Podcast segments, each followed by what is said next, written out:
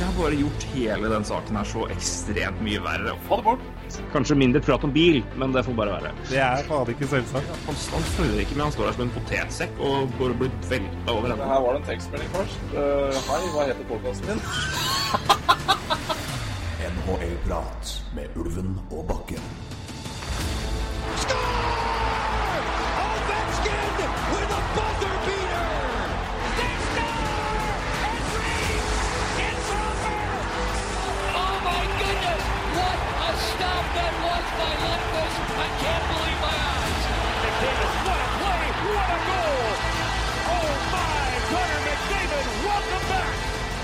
Shoot! Oh, what a save by Carey Price! Monumental! Welcome to the Crosby Show, Canada.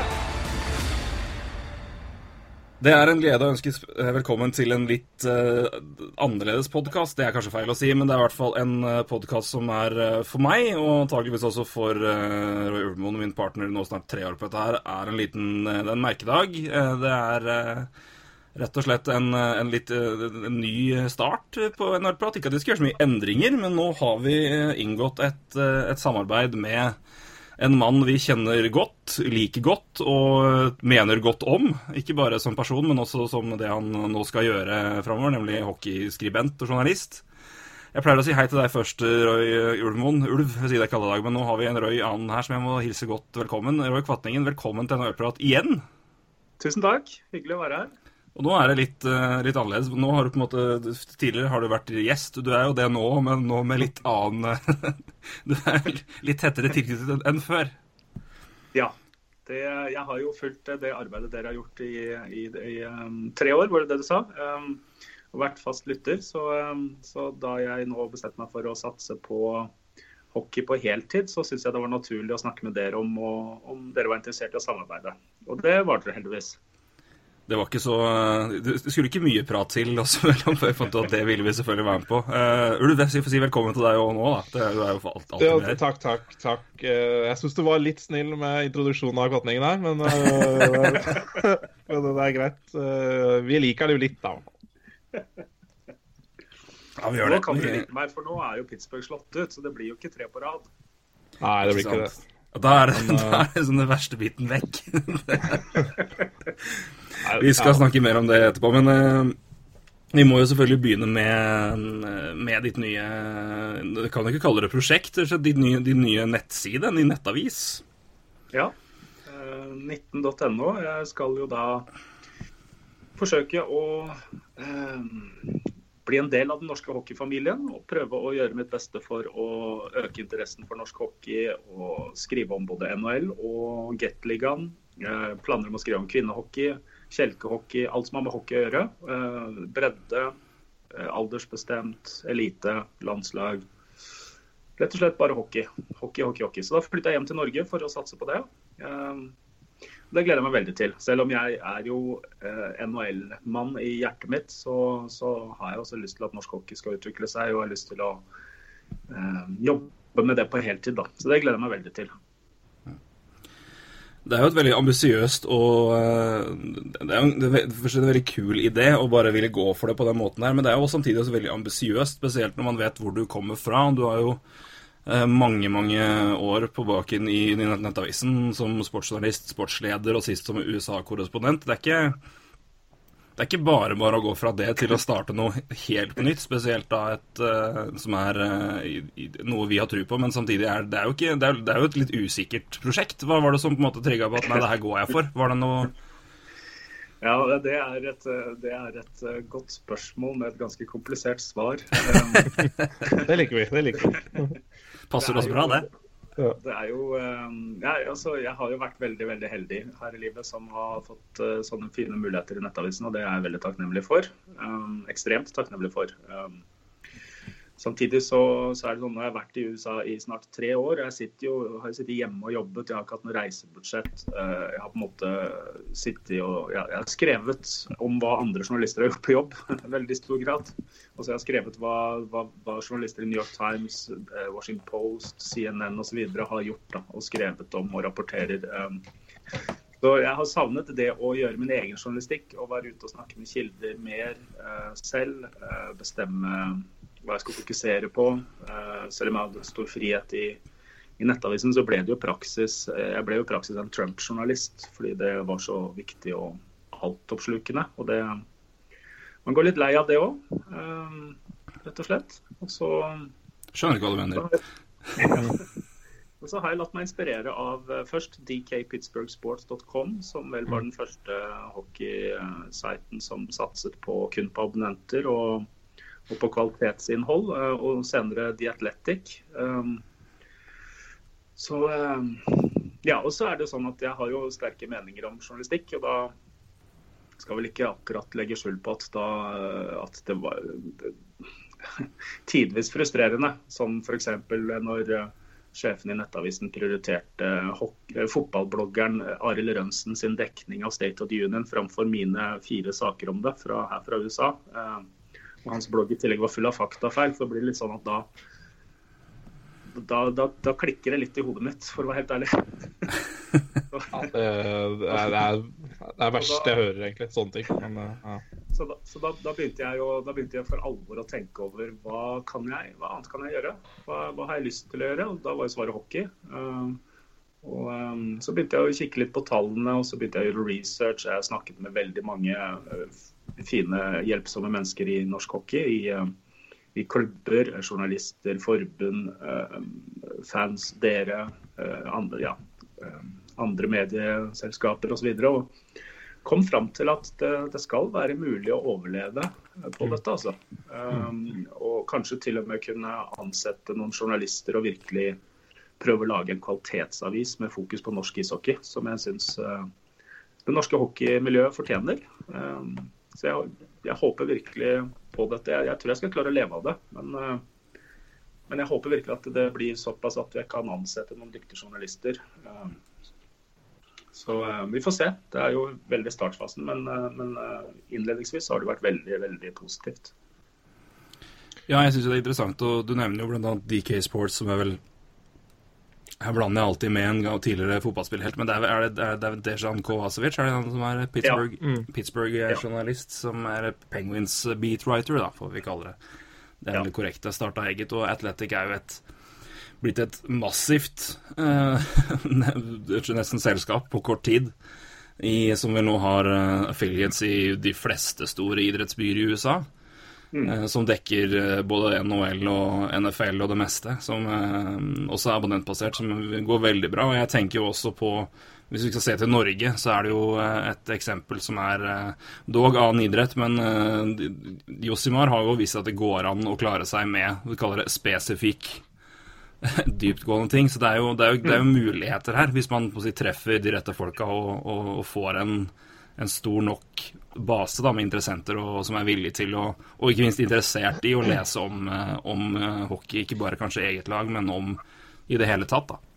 Mm, det er det jeg også håper. da. Eh, og det er klart det er jo, Jeg skal ikke akkurat sammenligne det jeg gjør med The Athletic, fordi de har eh, to Silicon Valley-milliardærer ja. eh, bak seg som, som bankroller hele greia og trenger ikke å tenke så mye på penger ennå. Men, eh, men er Konseptet sånn, er jo det samme i, i hvert fall. Ja, konseptet er det samme. Og jeg tror, jeg tror eh, folk flest nå begynner å, å, bli komfortable med å betale for, eh, for journalistikk. Eh, mm.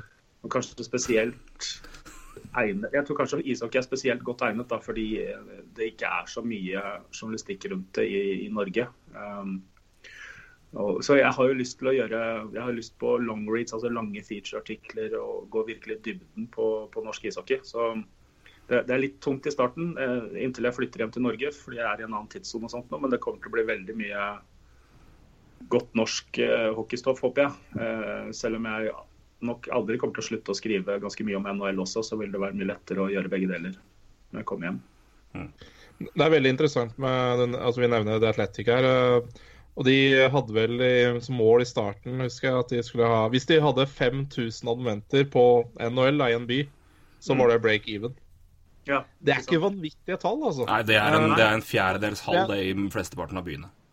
Mm. Ikke sant. Så, og jeg Derfor så har jeg litt tro på det her også på 19. At vi, det, det, skal ikke sånne enorme tall til uh, før det liksom går an å la seg uh, la, la det altså, la, starte opp da, og få begynt der. Uh, Men, det, det, er, det er også veldig spent på Norge da, når det gjelder sånne ting. At betalingsevnen er jo høy i Norge. Ja, ja. Betalingsviljen, den er jeg øh, den er jeg skeptisk til. Altså, og Da mener jeg ikke det her, men generelt så er den jo det litt i Norge. Så jeg er veldig spent, og jeg håper at uh, hockeyfolket nå virkelig øh, ser hva du har levert den første uka av mange gode saker, og er villig til å gå inn i det her. For det, det her fortjener, uh, fortjener vi som lesere også.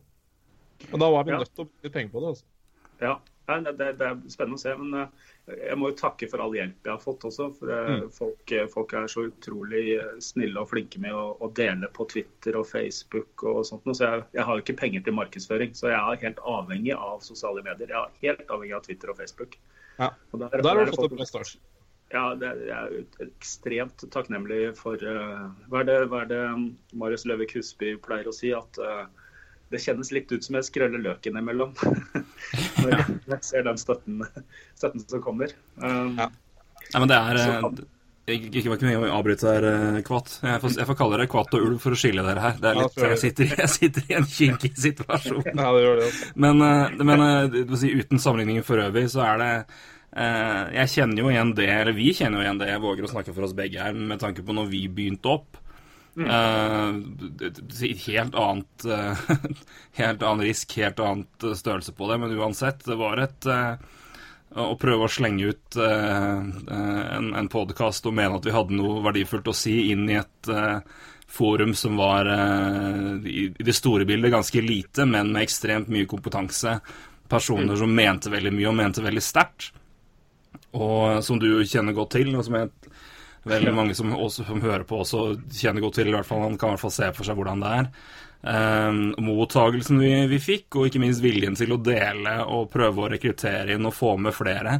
Um, folk som har ja, tweeta til personligheter og profiler innenfor hockeymiljøet og sånne ting. Altså, det har vært en, det er en delevilje, og det er en, det er en glede i å, i å spre noe de mener er ålreit. Det er ikke minst rørende å, å, å, å merke at, man, at det blir satt pris på det man gjør, og at folk syns det er bra. Det er selvfølgelig en ting, men det er, det er noe med det og, og, den støtten som kommer i det. Nå igjen, si, Uten sammenligning for øvrig, men det er, en, det er, en veldig, det, er et veldig varmt eh, jeg kaller det, community. Altså community Mm. um, som, som en eh, familie. ja, det, det overraska meg litt. Ikke, ikke at for det er, det er veldig mye bra folk, ikke, det er ikke det jeg mener, men det er, du vet at det, hvis det er, er det en hard kjerne med folk som mener mye og, og kan mye, så skal det mye til. Eller så, så har jeg i hvert fall hatt bilde av at de skal i hvert fall OK, men da skal du i hvert fall ha noe å melde hvis du kommer her og forteller oss hva som er interessant. Men, eh, men nei, det er, en, det er en utrolig vilje til å dele og, og støtte initiativ. Eh, og det tror jeg må basere mye på det du sier, at eh, det er en den mengden med, med, med altså nyhetsmengden og de som faktisk gjør eh, sånn som det her, da, altså vil satse på, sånn, satse på hockey, er, det er ikke så mye av det i Norge. Altså i, i hvert fall på nasjonalskala så er det så alt det på en måte tas imot på takk, og hvis man i tillegg liker det, så er det, så er det ekstra bra, da. Ja, det er litt sånn. Timing Det- også er viktig, tenker jeg også. Uh, jeg tror du også timer veldig bra, Kvatningen. Jeg tror du uh, Eller jeg har iallfall merka en litt annet uh, Hva skal jeg si an- Annet ønske om å lese mer uh, Spesielt NHL, da, for min del. Men eh, at det er et ønske om å lese mer saker fra, fra NHL på norsk. kvalitetssaker. eh, altså som er litt mer enn nyhetssakene. eh, og det, det er økende interesse for. Eh, VG har gjort en god del ting i år som har vært eh, veldig sært, men vært veldig, veldig bra for de. Så, Ja, jeg- så jeg tror Veldig gøy å se hva de gjør. Veldig Og, derfor så tror jeg du, du, du har en meget bra timing nå, altså. Ja, jeg håper det. Jeg har mm. jeg sitter og ser på tallene nå for jeg, jeg kom jo fra jeg kom jo fra en veldig eh, fra en gratisavis som har helt avhengig av eh, lesere og sidevisninger for å tjene penger. Så det, der var det jo naturlig nok stort fokus på det. Så min første impuls var at jeg ikke ville ha lesertall. jeg ikke ville se på det. Eh, noe som selvfølgelig hadde vært vanskelig å ha troverdighet på eh, etter hvert. Men eh, da sol.no var så snill å plukke opp Vegas Golden Nights-artikkelen, så ble jeg så nysgjerrig at da måtte jeg installere Googles, Google Analytics. Eh, så så jeg, jeg sitter på tallene fra og med tirsdag eller noe sånt nå. Um, og jeg har jo faktisk hatt eh, 3400 unike brukere innom. Ja, det er utrolig bra. Det er et fantastisk start, rett og slett. Det er et utrolig bra start. Det er over all forventning. Og det, så, men det er klart, Mange er nok innom bare for å se hva det er, så jeg håper jo at de har likt innholdet nok til at de vil abonnere. da. Men uh, hvis, hvis de abonnerer, så, så kan jeg ansette.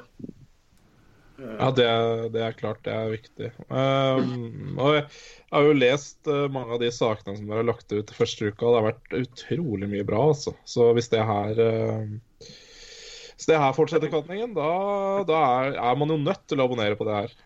Ja, jeg håper det, da. Det er det som er målet. Jeg, jeg håper jo at, at eh, Jeg håper at jeg kan gjøre, det, gjøre for norsk hockey det The Athletic gjør for NHL, da. Um, for å være helt ærlig. At det blir skikkelig skikkelig kvalitet og dybde, og at man kommer tettere på. Eh, det er det jeg har lyst til. Og da, da tror jeg, hvis man er hockeyinteressert i Norge, så, så håper jeg man føler at man bør abonnere, da. Vi får se. Det blir spennende å følge. Ja. Du, vær så god, Ulv. Du får ta spørsmål. Ja, jeg må ta et spørsmål. Jeg bare, ja, nå har det vært gratis første uka. Når er det man uh, må begynne å betale for det gode her? Ja, nei, det blir eh, Tanken var jo eh, å få det på plass ganske fort, eh, snart. Jeg hadde vel egentlig tenkt at det skulle være på plass allerede da jeg lanserte, men eh, det rakk jeg ikke før VM. Så det var egentlig litt flaks, tror jeg, for det tror jeg hadde vært en tabbe av meg. Um, Ja, det er jeg enig med deg i. ja. Så det var litt flaks. Nå, nå er det sånn at jeg fortsatt venter på å få organisasjonsnummer fra Brønnøysund. Alt annet Ja. er på en måte klart. Jeg har opprettet bedriftskonto, satt inn aksjekapital osv. Så, videre. så jeg venter på det før jeg kan bestille betalingsløsning. Da. Og da håper jeg at jeg kan bruke Nets, som tidligere Bankenes betalingssentral, for det er norsk. Og eh, det finner jeg litt trygghet i. Og de kan også tilby eh, VIPS. Um, men de trenger et par uker på å sette det opp. Så når jeg får organisasjonsnummeret, så tar det fortsatt to uker før det er på plass. jeg skjønner. Og så tar det, tar det vel tre uker før det kommer penger inn på konto også. Så det, det, er, ikke noe, det er ikke noe lønning i sikte på det første. Nei, da, men, men jeg tror det er i hvert fall når man starter opp noe sånn, og da man er inne det- Målet nå er å presentere, i hvert fall gi folk en smakebit på hva det er. Så tror jeg det her kan være vel så, så bra. Altså at det faktisk er en, eh, en, en mulighet for at folk kan se hva, hva det gjelder. At man ser at det her er noe annet. At det ikke bare er eh, at, at, det, kan, at det vil skille seg ut og, og gjøre en annen litt annen ting. For altså, det er jo altså eh, det er, det er jo klart det er jo lokalaviser som følger lag tett og vil følge den direkte nyhetsbiten, men du har jo anledning gjennom tid og mulighet til å gå mye mer i dybden enn det de som regel har. Det snakker jeg av erfaring i hvordan min hverdag er en lokalavis. Det er, Ja. de, man får fullt mye til daglig å være den som er tettest på, og være, kanskje være først ute med nyheter, men det å gå mer i dybden på ting og se mer det store bildet, det, det er ikke alltid man har tid til det, dessverre. og da er det da er det en, en åpning og en god mulighet for noen til å komme og gjøre en god jobb der. Og det, og det, det er jo en, et, et bra eh, eh, det, indikasjon på hva som kommer senere med norsk hockey, antagelig. Men det du har levert av NHL-stoff, det er eh, det er detaljert, det er mer eh,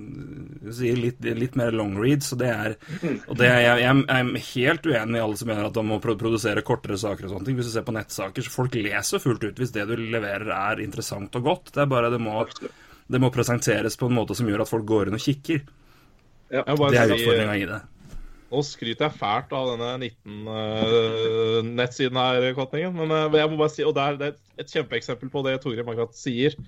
Det var den saken du lagde om uh, Stavanger sin nye trener Todd eh, Bjørkstrand. Mm. det, der, er liksom, der, der fanger du opp en eh, vinkling som ikke lokalavisa gjør. Mm. Eh, altså, ta det litt i en gledessak ikke sant, for lokalavisen med en ny trener, og litt sånn, så tar du en litt mer kritisk blikk på det. Det syns jeg er helt nydelig. Ja, den, den, den, den saken er litt interessant. Jeg kan fortelle litt uh, mer om den. Fordi um, uh, jeg kjenner jo Paul Haukali Higson godt. Han, Ja. han reiser mye i Nord-Amerika og er innom Madison Square Garden og har hilst på meg flere ganger der. Uh, en eksepsjonelt hyggelig kar som virkelig følger med på ting og tang. og En strålende podkastgjest, kan vi legge til. ja, det, det også. Den var veldig fin, en podkastmann. Um, og han, han har jo vært til stor hjelp for meg når det gjelder bare å å finne litt mer ut om, om norsk hockey, og om det er galskap å si opp en fast jobb i Nettavisen som USA-korrespondent i New York, eh, eller ikke. Um, så, så, jeg er veldig takknemlig overfor han og overfor Stavanger Oilers, som, uh, som var raskt ute med å retvitre sak da jeg startet. Um, mm. Så, så da, da, blir det sånn instinktivt at man ønsker å være snill tilbake. Og jeg syns det var veldig spennende med ansettelsen av Todd Bjorkstrand. Um, jeg sa Bjørkstrand før, men så vidt jeg skjønner, så har han vel helt Ja, han er jo amerikaner, Bjørk... han er det. Ja, ikke sant. Så det blir jo Bjorkstrand. Um, ja. Eh, så, så, det var, jeg synes det, liksom, det, var gøy. Jeg var nysgjerrig på han. Jeg hadde lyst til å finne mer ut om han. Og da, da, var det bare å gå inn og se på hvor han hadde vært som trener, og se om det var noen norske spillere som hadde vært innom der. Uh, og det naturlige alltid er å bare høre med lokalavisen som har samarbeida med han eh, og, og dekt han i årevis. Mm. Og jeg ramla nesten av stolen da, da jeg fikk svar fra lokalavisjournalisten. Det var, det, var, det var ikke måte på uh, hvor kritisk han var. Uh, og så, så, snakket jeg da med Anders Bastiansen, og det var jo ikke det, De rosende ordene kom ikke som perler på en snor der heller. Så det, det, det, sammenfalt jo også litt med det han journalisten sa. så det da ble det veldig en, en, veldig annen vending. Og så var da tredje intervjuet mitt var jo med Bjorkstrand selv. Så mm. det var et interessant uh, intervju, det, altså. Uh, over telefon mens jeg var på, på jobbtur i Miami. Um, mm. Så da ble det jo en veldig men, men, det er det som er greia. Ja. Selv om jeg jeg, jo, jeg, håper jo på det beste for norsk hockey, og jeg skal ikke dekke mm. kamper og jeg skal ikke fokusere på nyheter, fordi det gjør lokalavisene. Jeg vil være et supplement og ikke en konkurrent til det. Mm. Så, så, men, men, jeg er jo journalist. Jeg skal jo dekke dette her som journalist. Og, og hvis jeg bestemmer meg for å for, Som jeg sa til Zuccarello en gang, han ikke likte et intervju jeg hadde med Satikkane. så er det sånn at hvis jeg bestemmer meg for at et intervjuobjekt er interessant å snakke med, så skriver jeg hva det intervjuobjektet sier, enten jeg liker det eller ikke. Det, mm. det, det styrer ikke jeg. Jeg, ikke noe, jeg driver ikke med sensur. Um, så hvis, hvis, det er interessant å høre hva folk mener, så må jeg jo skrive hva de mener. Så da ble saken som den ble. Um, egentlig, det var, ikke jeg som, det var ikke jeg som gjorde det. Det var bare de jeg intervjuet, basically. Mm. Det, er jo, det er jo journalistikk, det. Det er, det er i hvert fall sånn ja. det skal være. Og sånn det, sånn det jo ofte er, rett og slett. Mm. Mm. Og til eh, Stavanger Oilers kreds kred så har ikke jeg hørt et eneste vondt ord derfra siden. Altså. Så jeg tror de forstår at jeg, jeg, jeg gjør jobben min. Ja. Ja, jeg, jeg, tror det er en uh, igjen, Nå er jeg novise på nasjonalt nivå, men jeg har jo vært bortom noen ting. Men jeg, jeg, tror at som regel, hvis man Altså Så lenge det gjøres på en ryddig måte, og man har snakka med folk og refererer dem og, og, og, gjør det man skal og følger de stegene man skal Og du snakka jo med Bergstrand sjøl, og da er det jo lot han sikkert få respondere og, på, på, det de to, tok opp. Og da har du på en måte ikke noe, noe å ta på i altså De sakene Man kan jo ikke ta dem på, du kan, man kan jo ikke ta deg på noe utover det at det skulle gjerne vært positivt. Ja, det, det, er, ikke, det er ikke opp til meg. Det er de jeg prater med. Altså, det er jo, men, og det er at Og jeg, jeg tenker jo det sjøl, jeg skjønner jo Jeg kjenner meg inn i det, jeg tenker, men jeg tenker på det sånn objektivt sett, så er det jo Det er jo egentlig rart å tenke at folk skal på en måte bli fornærma av det. For det er jo Det blir Altså, man må gi folk såpass kred til å å ta ting for hva det er, da, og det, det prøver jeg. Det, så det, det, skulle jo bare mangle, egentlig, når man ser sånn på det. Ja, Men, men det, er interessant, og det er kanskje ikke rett forum å, å diskutere dette så veldig lenge, men som journalist så vet jo du at det, eh, det er lett for en leser, eller spesielt innen idrettens verden, å, å, tenke at den journalisten har en agenda og sånt noe, men vi fokuserer jo bare på arbeidsoppgaver. Eh, min arbeidsoppgave var å finne hvem jeg kan få tak i som kan si noe interessant om denne treneren. og Så høre hva de sier, og så etterpå eh, ta det videre til treneren så han får svare på det. Det er arbeidsoppgavene mine. Og så blir jo svarene som det blir. Det har ikke jeg noe med å gjøre, basically. Mm. Så, så, vi tenker jo arbeidsoppgaver. Vi tenker jo ikke sånn jeg er Pittsburgh-fan, da skal jeg si positivt om Pittsburgh når de møter New York Rangers. Tenker jo ikke på det i det hele tatt.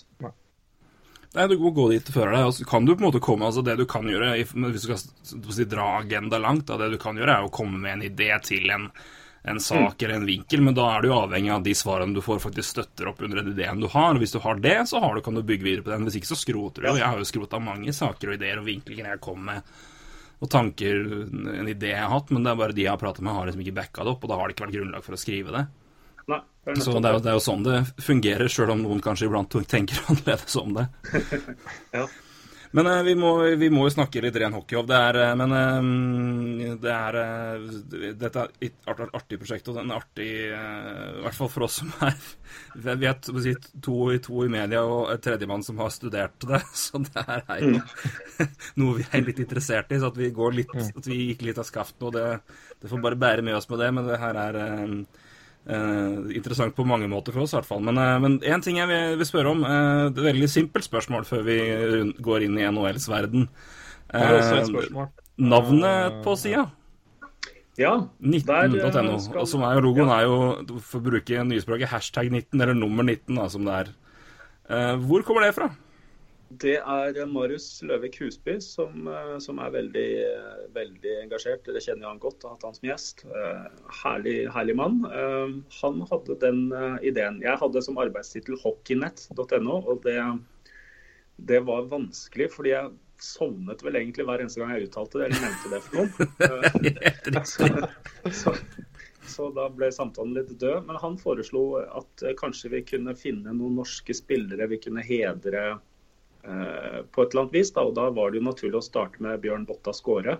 Um, og han spilte med, mye med nummer sju, som er mitt favorittnummer, men det var 7.no var opptatt og sånne ting. Så fant, fant Marius ut at uh, Botta hadde spilt med 19 på landslaget, bl.a. tror jeg i OL i Sarajevo. Eh, og 19 syns jeg klinger fint. og Jeg liker eh, Det ser for meg som ikke har så mye penger å bruke dette ennå, så kunne jeg til nød, eh, hvis jeg ikke hadde råd til en logo, så kunne jeg slippe unna med på en måte det nummertegnet og tallet 19 eh, som en slags logo. Um, så det, da ble det det. Men så fant jeg en logoside, så jeg fikk laget en logo jeg syns er ganske OK likevel. Um, enkel og billig. Så, så det er en hyllest til eh, Botta, og jeg, jeg er veldig fornøyd med det. Jeg syns det er langt mer morsomt navn enn Hockeynett. ja, det er, der har du min fulle støtte. Og så Det er ikke lett du et spørsmål, Altså. et spørsmål til, eller hadde du det? Ja, eller jeg har det ikke, men uh, det kom et spørsmål på Twitter her, da. Ja, ja, ja. Daniel Andersen. Og da tror jeg Kvatningen veit akkurat hvilket spørsmål som kommer. Og det er hva vil det koste som sponsor å kreve engelske navn på russiske spillere på siden? Ja, For som du sier, altså Ovetsjkin skrives da med O-V-E-T-S-J-K-I-N, tipper jeg.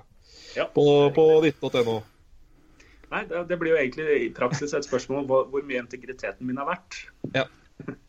ja, hvor mye er integritet verdt? Den er ikke til salgs, dessverre. Eh, den er ikke det, altså. Um, jeg er jo ikke noe Personlig så liker ikke jeg så godt å skrive TSJ. Det er fordi jeg også er vant til å se det med engelsk. Og Ja. eh, jeg åpner opp for at jeg kommer til å gjøre en del skrivefeil her. Bare i den artikkelen om Versken så hadde jeg skrevet det på engelsk to steder, men heldigvis så tok jeg kontroll F før jeg publiserte saken. Eh, Men det er med en gang sånn, altså jeg skriver også Butker på, med Ø, ikke OE. Og det er jo ikke, det, det er jo ingen som reagerer på det. Eh, Nei. Og det er jo fordi vi skriver navnet på, på norsk, ikke engelsk. Og, Oversken versken med CH er jo ikke det, det, er jo ikke, det er ikke det russiske Vi bruker jo et helt annet alfabet, så det Ja, da, ja. Jeg tror Daniel mest var morsom. Han vet at jeg er ganske Ja. klippefast på dette. Eh, absolutt. Men det kan jeg si. Hvis, hvis, eh, hvis det kommer noen eh, med så mye penger at, eh, jeg, at jeg selger integriteten min, så innebærer det at da trenger ikke jeg å arbeide mer, for da er jeg jo ferdig som journalist. Ja. Så, så kommer man med 50 millioner kroner, jeg kan være pensjonist resten av livet og, og, og kanskje skrive hockeybøker eller noe sånt, så, så skal jeg vurdere det. Men da får man jo heller ikke lest det på engelsk, da. Ja, men da skriver du de bøkene med. Ovetsjkin med CH. Altså, det noe annet ville vært veldig urimelig. Hvis du får 50 millioner i dag, så er det bra profitt på en uke. Det må jeg si. ja, da kan jeg være frista til å holde på. Da, da Tidenes, tidenes gründerhistorie. Ja, faktisk. Før du har fått nei. så er det solgt for 50 millioner. Nei.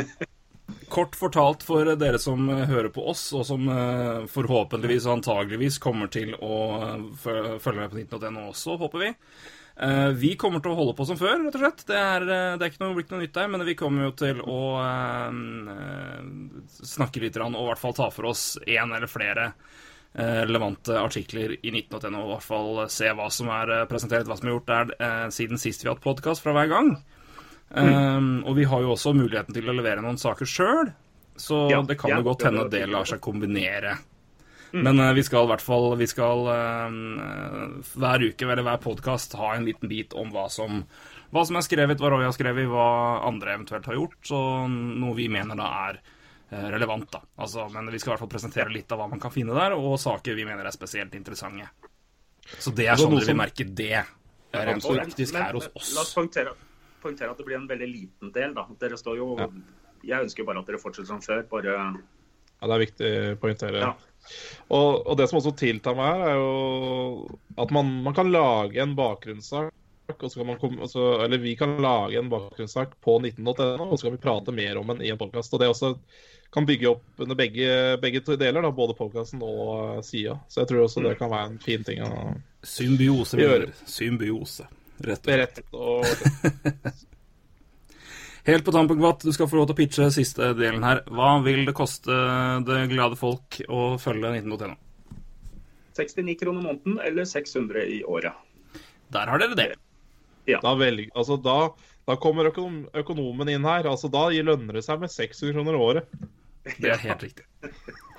Det, jeg kan si én ting til, til om det også, selv om det selvfølgelig med en som betaler abonnement, abonnement for ett år, vil jo ikke gi meg en ny inntekt igjen før om ett år. Men på den annen side så vil det være lettere for meg å ansette en journalist kjapt om jeg får en del som abonnerer i et år. Så da blir det bedre avis eh, også, i tillegg til at det blir billigere totalt sett. Der har dere den.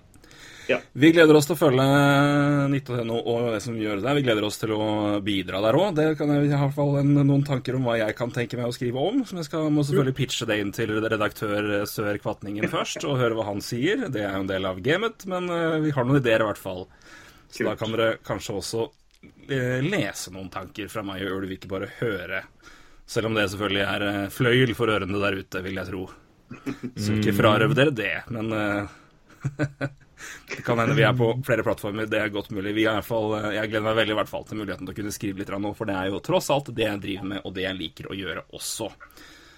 Men da må vi gå litt til det man, eh, noe av det vi eh, alle skal sikkert skrive om eller snakke om framover, og det er jo NHL og hva som skjer der. Det skjer mye, for det er playoff. Men før det skal vi snakke om en nyhet, og det er noe som fikk veldig mye oppmerksomhet i i hvert fall kanadiske medier, og forståelig nok.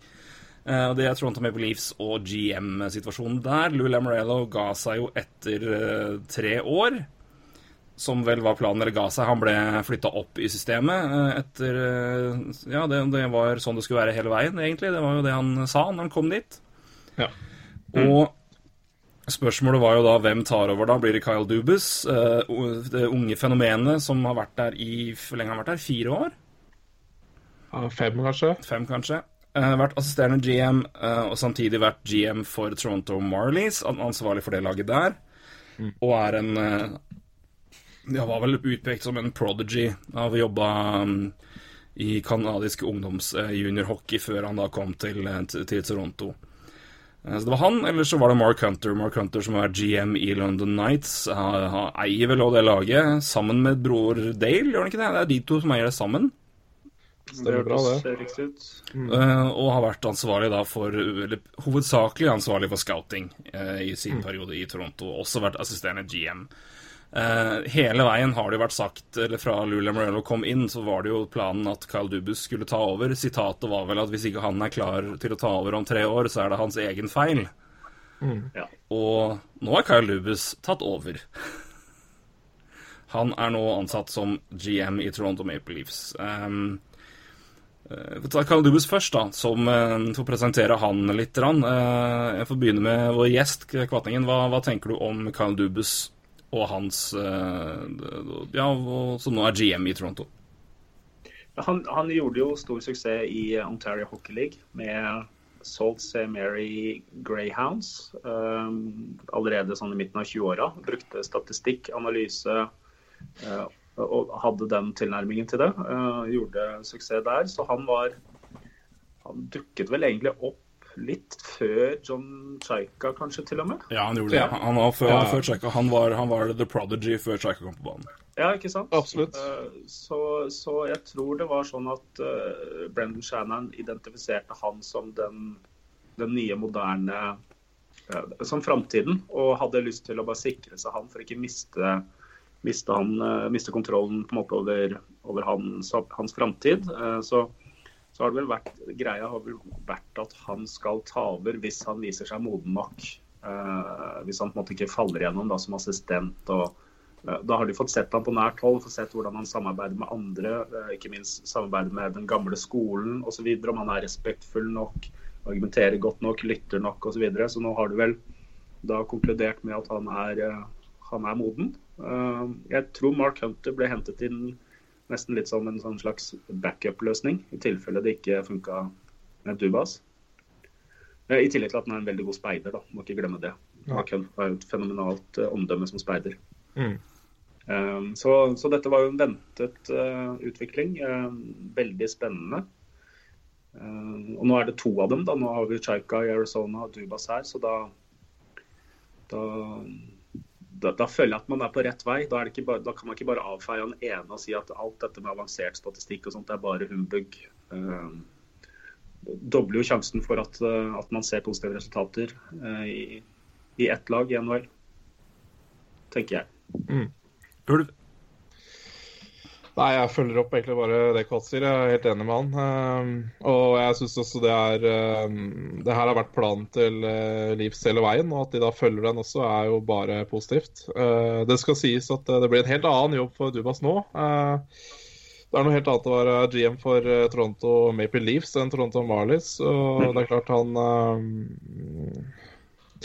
ja, Han skal nå jobbe med Mike, Mike Babcock her uh, framover, og det blir spennende å se. Men uh, jeg tror ikke Shannon gjør den ansettelsen her uten å være sikker på at det her er riktig. Uh, men det er klart det blir, uh, det blir noe helt annerledes for han også. Men jeg tror også jeg tror vi også får se litt annen Han er ikke noe lur... Altså, det, det, blir, det blir litt annerledes uh, tilnærming på hvilke spillere som hentes, og hvilke spillere som går ut også, tenker jeg. Det, jeg kan vel ikke se for meg at Dubas er noen uh, Leo Comroe-fan og kommer til å gi han en forlengelse. Eller Robin Pollack, for den saks skyld. Så, så det blir spennende Pollack er nok ferdig, ja.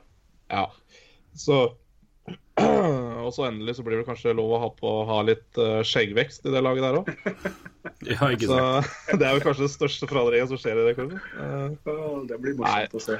Ja, nei da. Så, men jeg liker det her. Eh, For det her har vært planen til Livs eh, hele veien. Og at de fortsetter den eh, planen. Altså, det har vært en rød tråd gjennom hele altså, rebuilden, da. Med at Kyle også var Jeg er allerede på fornavn, mener du. At han var GM i Marlies. Um, altså Det skulle være en rød tråd i Marlies og i Leafs, da, og at de bare følger det videre nå. Så det, det, jo, det viser jo at uh, den klubben er på rett vei, tror jeg. Ja, og det, det, det, det med at han har vært der i noen år nå allerede, da er jeg helt overbevist om at eh, det betyr at Mike Babcock respekterer han nok Ja. til å lytte. Selv om Babcock eh, selvfølgelig skal presentere sine mener, meninger og står for de, så er han i hvert fall, eh, er han i hvert fall såpass til kar at han kan respektere han og lytte til han. Og da Ja.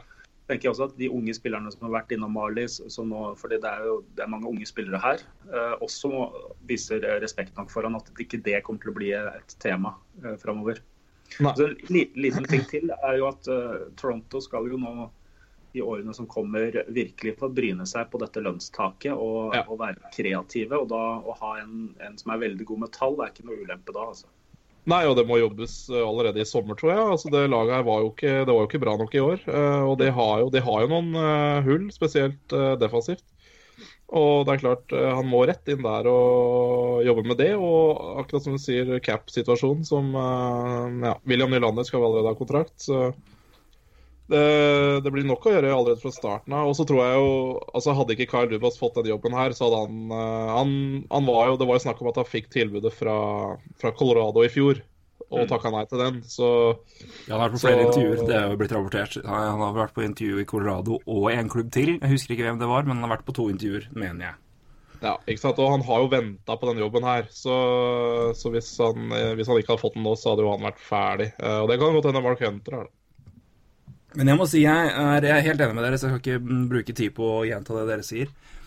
Eh, Men eh, det som, over, det som overrasker meg litt, er eh, all den kontroversen som var i forkant med blir det Hunter, blir det Dubus, alt fram og tilbake.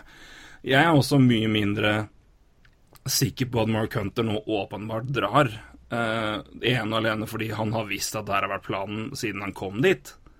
Uh, så det her kan på en måte ikke komme helt bardust på han, og hvordan den situasjonen blir. Og det at han eventuelt må svare til en yngre kar, det at det ene og alene skal feie han over ende, det kan jeg ikke helt se for meg.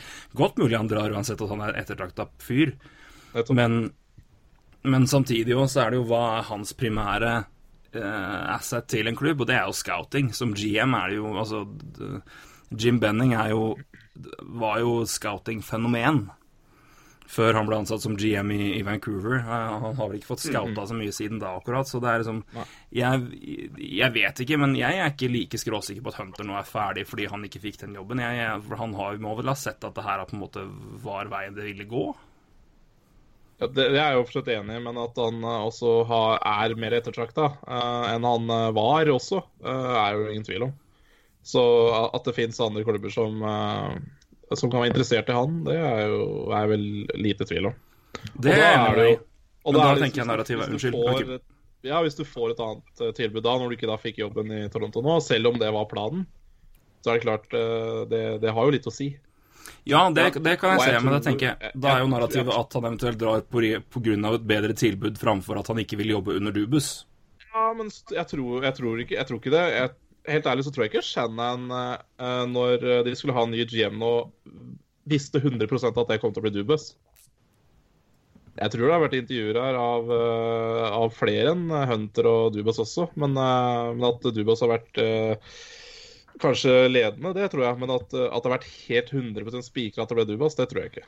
Da hadde de, da hadde de, da hadde de annonsert det samtidig som uh, Lemorello forsvant, da. Eller fikk ny jobb. Ja, nei, det er nok kanskje sant. Jeg tenker jo at de drøyde litt pga. Eh, playoff-run til Marlies, men det fortsetter jo Det, har, det er det jo i fortsatt. De sweepa jo nettopp i runde to. Ja. Så vi kan ta med det. Altså, han, ja, han gjorde en veldig god jobb i OHL, men han har jo vært en altså Marlies har uh, vært rekordgode i to-tre år nå. Uh, og Kyle Dubes ja. kan vel ikke få all æren der, men han, noe skal han jo ha. Nei. Ja, og, og det, det, som er bra det han har gjort i Marlies, det er jo det er klart han har hatt mye, mye unggutter å jobbe med, men også henta inn de riktige eh, veteranene da, og jobbet sammen med talentene der. Mm. Og apropos det Kvatningen sa i stad om uh, han skal ha, ha, respekt for Eller han bygger opp en respekt for uh, ja, veteraner og sånn, og det har han jo klart i Marlies også, så Nei, det, det, det blir bra, det her. Et spørsmål til om Leafs nå. Vi, vi toucher vel antageligvis litt inn på det vi kommer til å snakke om om runde to og de lagene som er ute. Men eh, det er veldig lett etter en eh, exit, spesielt i første runde, å kanskje overreagere og glemme det man gjorde gjennom en regular season. Hvis man ser på Leafs sammenligna med i forrige sesong og, og poeng, lagprestasjon og tar det nå i år, eh, fremgangen er jo formidabel. Um, og at man ryker ut i Første runde begge år er selvfølgelig en nedtur, men er, hvis, hvis, man ser år for år, så er, jo, eh, er, det et lag som har tatt store steg. Er det, ja, noe må gjøres, og det må gjøres en del spesielt forsvar fordi noen spillere forsvinner og noen man må ha en ting, men samtidig, det er vel kanskje ikke laget som bør overreagere heller, for det kan fort slå andre veien. Ja, for meg så virker det som om de bare fortsetter å følge den planen de la. Uh, alt går egentlig bare på skinner. Uh, helt naturlig progresjon. Uh, de skulle ikke vinne Stanley Cup i år, de. Det hadde vært en ren bonus. Uh, neste år så kan de bli veldig spennende. men de må få, de må få inn forsterkninger på backplass.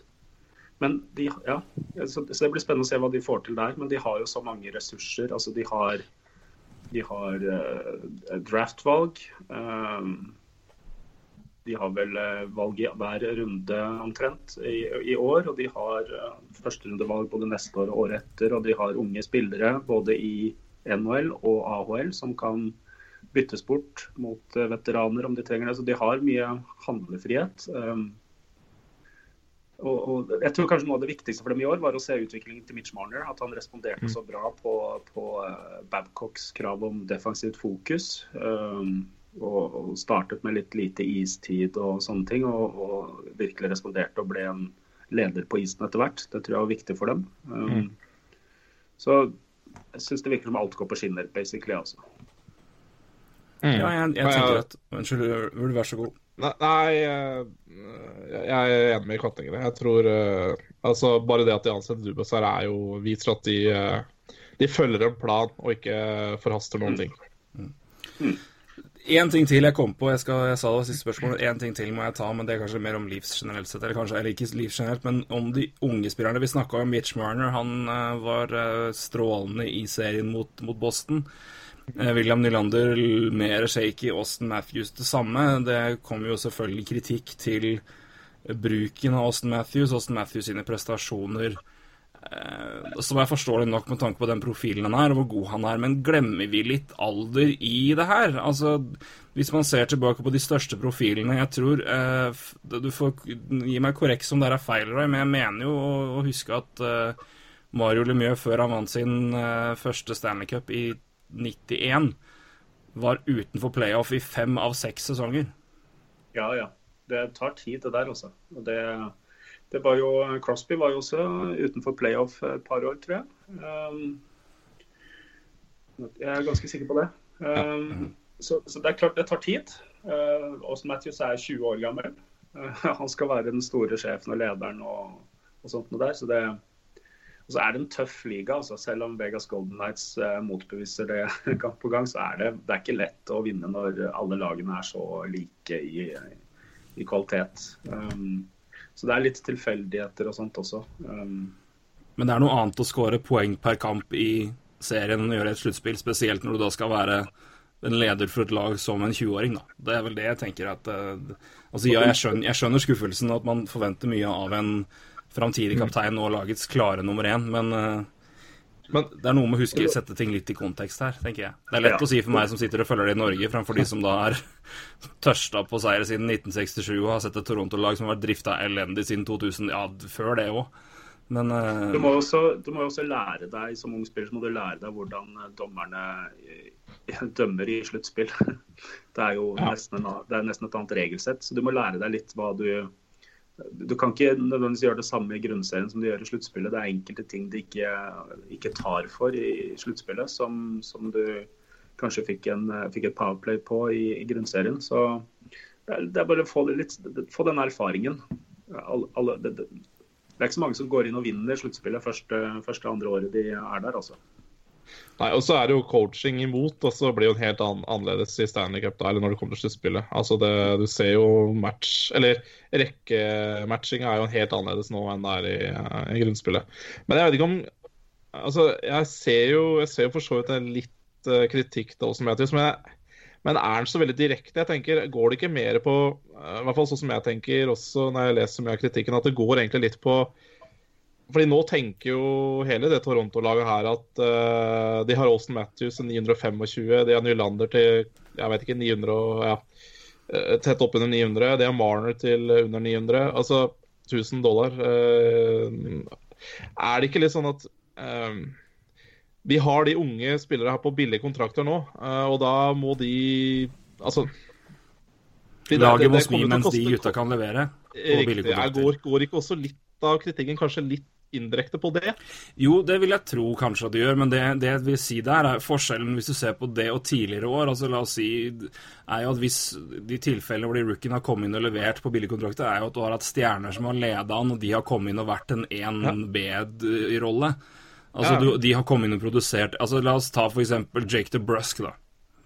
Som var ja. eksepsjonell i runde én. Nå er det det første jeg kommer på nå. Um, eller Jake Gensel, for den saks skyld. Uh, spøkelse fra Pittsburgh. Ja. Som dukker opp uten at jeg ser det. det skal jeg forresten spørre deg om etterpå, at jeg tar det når Penguins uh, Capitals-runden kommer. Men, uh, men, jeg tenker jo det at altså, jeg, Det er jo rimelig at altså, Vi er jo i en i situasjonen hvor, hvor, det har mye å si, at det å ha unge spillere på billige kontrakter er en nødvendighet for å klare seg, i hvert fall tilsynelatende, da, er det det. Men jeg, jeg, jeg tenker jo det er mye mer rim, altså Det er kanskje mer prominent og rimelig kritikk når det er stjernespillere som har kontrakter La oss si Crosby Malkin, da. Og man har de billige Altså det kommer inn billige spillere.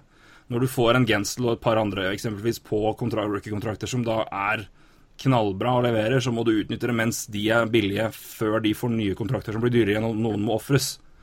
Um, ja, det, det er i hvert fall sånn det var for Pittsburgh og Chicago og og Kings. Ja, Chicago er et kjempeeksempel. Det er det jeg burde brukt. Men der har du jo Shaw og Saad og alle de gutta der. Mm.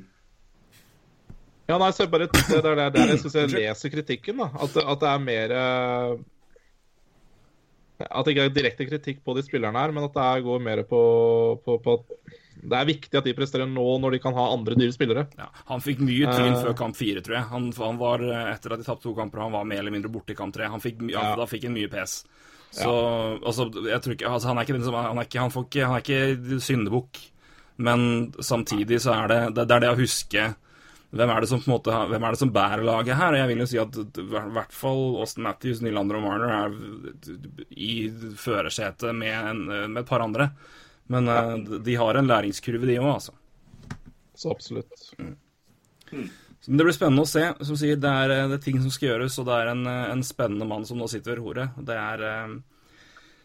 Men igjen, jeg har et, et bilde av eh, Beklager, men jeg har bilde av Toronto som et altså klart at Du har hatt Lamorello i førersetet, da er Shanahan som president, nå er Lamorello oppe han, han fortsetter jo i klubben, men jeg, jeg har jo et bilde av at selv om det er eh, altså, Jeg tror ikke så veldig mange kommer og forteller Lou Lamorello hva han skal gjøre, egentlig, men det virker som at det har vært et, et godt kollektiv der, Ja. i, i Et det bra hele. apparat. Et bra apparat. Ja, Shanahan, det eh, er riktig. Shanahan har gjort en eksepsjonell jobb. Det er mm. Han eh, Rett og slett, det er Shanaplan er eh, genial så langt, egentlig. Hvis ja, De har er brukt uhorvelig mye penger, da. Det er jo det er litt viktig her å Og det er si. sant, altså, det er de, veldig godt poeng oppi. de, de brukte jo de, de brukte så vanvittig mye penger på sparka trenere, eh, spillere som ikke spilte Altså, de har hatt, de har hatt noen, de har hatt noen Jeg tror jeg leste, det var et par år siden når vi prata mye om Toronto, så hadde de 300 millioner kroner i enten død cap eller altså, folk som har fått sparken. Altså, det er vanvittig mye penger, altså. Eh, Ja. Så, så det, det Toronto-laget her har mye fordeler. Og jeg leste jo også med Carl Dubas eh, noe av det kanskje første han kommer til å gjøre. altså i NHL, så Du har jo NHL-laget, og så har du AHL-laget som er farm-lag, og så har du et ECHL-lag som er farm-laget til AHL-laget. da. Eh, og han, Det går jo også da litt prat på at de, Toronto kanskje kommer til å skaffe seg enda et eh, ECHL-lag. da. Det er jo klart det er ja. det- ja, de har, eh, de har litt muskler i bånn her. eh, Og det er ikke noe for å ta noe bort fra Shannon, altså, for all del. Men, eh, men, men Han har et jobb med. Ja, men han bruker jo også penga godt, da. Mm. Altså, Montreal Canadiens får også mye penger, og de har ikke brukt mye penger altså, like godt, for å si det sånn. Og han, og han på bruker pengene kynisk, da. Vi bør nevne Robida Island her også. Ja, kynisk. Ja. Det er Lule Morello. Lule Morello all the way. Mannen Ja, med smutthull herifra til helvete. Looppool og ja, Nei, det har vært Ja. mye, det har, det har vært mye sånne ting også. Det Eh, virka som- ikke veldig frivillig at uh, Joffrey Loopool ga seg som spiller, altså. Nei, det var ikke frivillig, men det Han, er Han, vel eh, han sletta vel en Instagram-post. eh, Ja, han gjorde det. Han, gjorde det. han var nok ikke smartest, uh, han heller, da. Men uh, det skal Nei. sies. Nei. Det er likevel, det var, alt har ikke vært på skinner der heller. det er bra han er pen. Denne sesongen her så var det jo fem millioner til han, da. Ja. Fem, fem millioner. eh, ja. Og 5,3 til Nathan Horton, så det, det er penger som Ja. Det Vi har litt muligheter der. Vi må snakke om de som eh, har spilt i runde to, og som fortsatt skal spille, og de som ikke gjør det lenger. Eh, vi tar en gjennomgang, eh, gjennomgang der, rett og slett. Jeg åpner Jeg tror jeg skal la vår Skal vi begynne med den serien som var senest ferdig, eh, og snakke om et lag jeg vet du har likt godt i hele år, eh, Kvatt? Vi begynner med Predators mot, mot Winnipeg.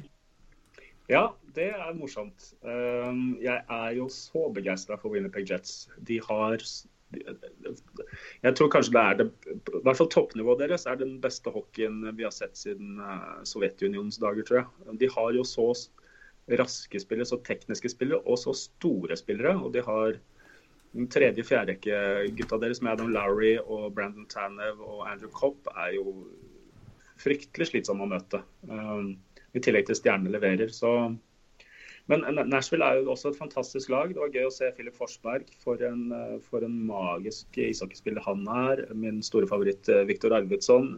Eh, Ryan Johansen har ofte strålet i den serien der, altså. Det var eh, Du, du, du etterspurte dem, Ulv. Du, de ga svar. Eh, svar der, ja. De var eh, si, Den rekka der var eksepsjonelt god, egentlig, hele serien, eh, sånn jeg så det. Jeg har fått, jeg har fått sett en del. Det er faktisk den serien jeg har sett nest mest, tror jeg, i hele andre runde. Men eh, Nei, det var en Det kaoset kaos her. Uh, russebil rett utafor vinduet her. Ah, altså. Så, så hvis dere hørte noe jævlig dårlig musikk, så var Å, faen meg. Ja. litt, uh, litt god tysk Nei da, tysk trans, det var i, det var i vår tid, som Bruce. Det, Nei, ikke, det der var enda verre, altså. Det tropisk house fra, fra California, Men- sikkert. Jeg tror jo at, jeg anser jo Winnerpeg Jets som eh, soleklare favoritter nå.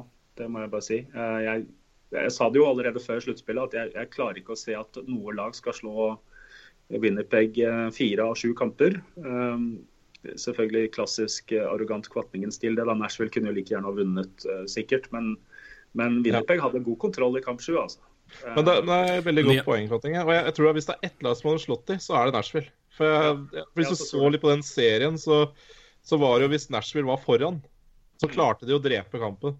Ja. Med en gang Winnipeg eh, tok ledelsen, så, så var det nesten kjørt. Altså, det, var, det, var helt, det var merkelig å se hvor uh, altså, det Nashville-laget der, når de tok ledelsen og fikk ri på det, Mm. eh, og bare kjøre sitt defensive spill, så var Winnerpeg nesten ufarlig. eh, Altså nesten. Uh, og det var en helt merkelig serie, altså. Får ta en lite asterisk ved 3-0-ledelse, som ble 7-4, da. Eller altså, Ja. e- egentlig 5-4. Det var jo mye jevnere enn det Ja. serien indikerer, med tanke på empty net, Ja. goals. Det var jo 5-4 til, til, eh, til Preds.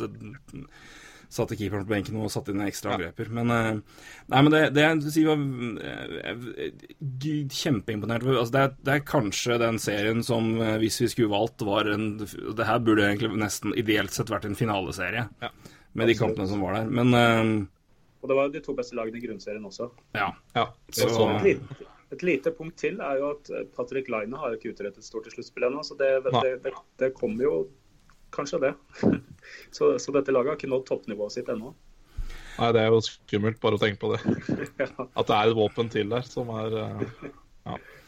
Men jeg må si det var Det er én ting som jeg får ta med jeg, d- d- d- Det er ingen keeper i verden jeg syns er mer morsomme og artig som jeg nyter mer å se på spille, spille når han er i, i slag, for maken så aggressiv og på han er da.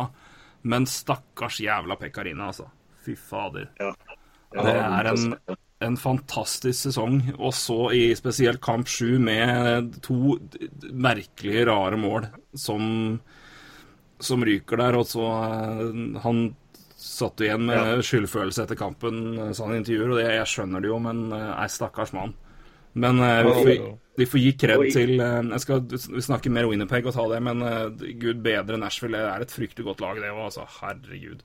Ja. Og for en situasjon de var i nå, da, med, med uerfarne Winnerpeg, med uer, nykommerne Vegas, med Tampa, som, som ikke var i sluttspill i fjor, og Washington, som alle ikke har vært eh, i tredje runde omtrent, i hvert fall på 20 år eller noe sånt nå. Så det, det var jo, alt lå jo til rette for Nashville nå, så det, det tror jeg gjør det ekstra vondt for Pekkarine. Man ønsker jo, selv om man elsker, man elsker jo drama eh, og sånt, så er det ingen som ønsker at en, en person skal utsettes for det han ble utsatt for der, altså.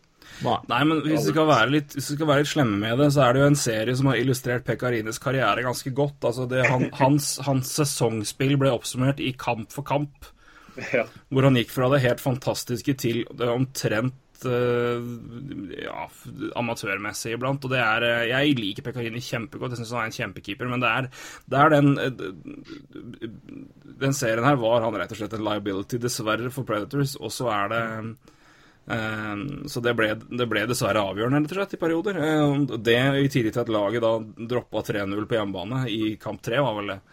Hadde, mul hadde mulighet til å gå opp 2-1 og leder 3-0, og glipper den og taper da 7-4, eller altså 5-4 da, i spill 5 mot 5. Um, Men én ting til som jeg òg syns er eh, Og veldig fint å se, er eh, i et marked vi har prata mye om, som man kan eh, kalle det nytt, og man kan da si ja, det er medgang og det er oppturer. Eh, Winnipeg vinner 5-1, kamp 7. Nashville-fansen utsolgt for øvrig 109 kamper på rad på hjemmebane der. Rått. Blir stående og klappe laget av banen, og mens det er handshake line, så går det Let's Go Preds. Så det er eh, Hvis noen vil komme og fortelle meg at det der er medgangslag, og at hvis, det der, hvis de ikke kommer til finalen neste år, så forsvinner det Nei. Det, det, hockeyen har slått gjennom i Nashville, virkelig. Og det, det er lett å, å og, og tvile litt på det når laget går til finale, men det, det, var, det, var, rett og slett fint å se. Og jeg vil hedre og det er spesielt med tanke på at det er marked som tidligere har slitt, og som eh, det, Jeg tenker det er lett å på en måte dra medgangsbiten dit. Det var, det var flott mm. i, det i, det markedet der spesielt, da, at uh, det er fans som virkelig bryr seg om laget. Det er fans, De har bygga opp en posisjon, og det, det syns vel så godt når det blir tap. Kanskje mer. Ja, og det viste de det der. Jeg er helt enig. Spørsmålet da er jo uh, hvem er førstekeeper i Nashville på slutten av neste sesong? Ja, det er spennende. Det er veldig spennende. Uh, Pekarine begynner vel å bli gammel uansett. Så. Mm. Ja, nei, det er jo veldig spennende. Uh, nei, men han har vel igjen ett år, har han ikke det, av den kontrakten sin? Det kan godt være. Det har jeg ikke oversikt over. Gi meg to sekunder, skal jeg sjekke. Jeg har Cap Friendly oppe her. Som ja, han, har, han, har, han en ett år. Han har ett ja. år. Uh, Jusse Saros fikk jo ikke stå så mye i sluttspillet. Han kom jo inn når de trengte. Han spilte 113 minutter og redda 40 av 42 skudd. Mens uh, Rinnet endte altså sluttspillet hvor Nashville tross alt kom langt. Spilte 13 matcher. Han endte sluttspillet med 3-0-7 i goals against og 90,3 bare i redningsprosent. Mm. Det, det, jo... den, det målet imot teller nok godt på hvor tidlig han ble tatt ut. Altså, Tas det ut tre kamper, så flyr den godt i været, altså. Det er klart. Ja. Så, men samtidig, han er jo en, eh, en Vesna-nominert keeper og hadde ja. en kjempesesong. Så eh, han er nok førstekeeper også neste år. Det, det, noe annet ville vært urimelig, spør du meg. Når neste, men, ja. når neste sesong starter, ja. Absolutt. Det var derfor jeg spurte om ett år. Ja, nei, det, det, var derfor jeg men jeg tenkte på å ta det inn i konteksten. Jeg, men jeg, er enig med jeg, jeg, tviler på, jeg tviler på at Pekarin er keeper i Nashville i 2019. Eh, Høsten, i hvert fall. Det er en Ja.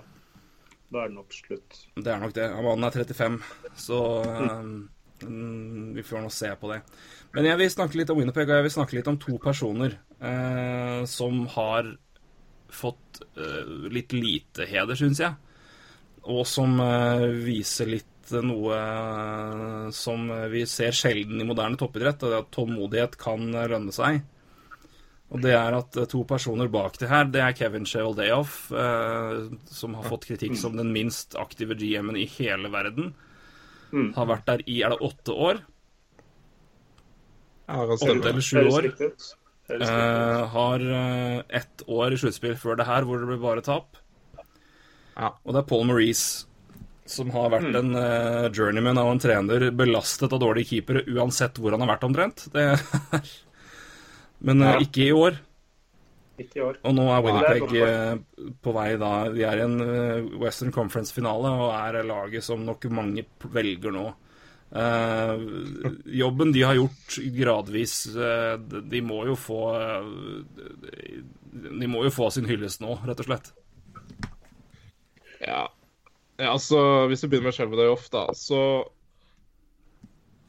altså, Hvis jeg skulle valgt valgt en klubb å følge uh, rebuilden, altså følge oppskrifta på en rebuild, så ville jeg tenkt, sett på hva Winnerpeg driver med. Eller har gjort.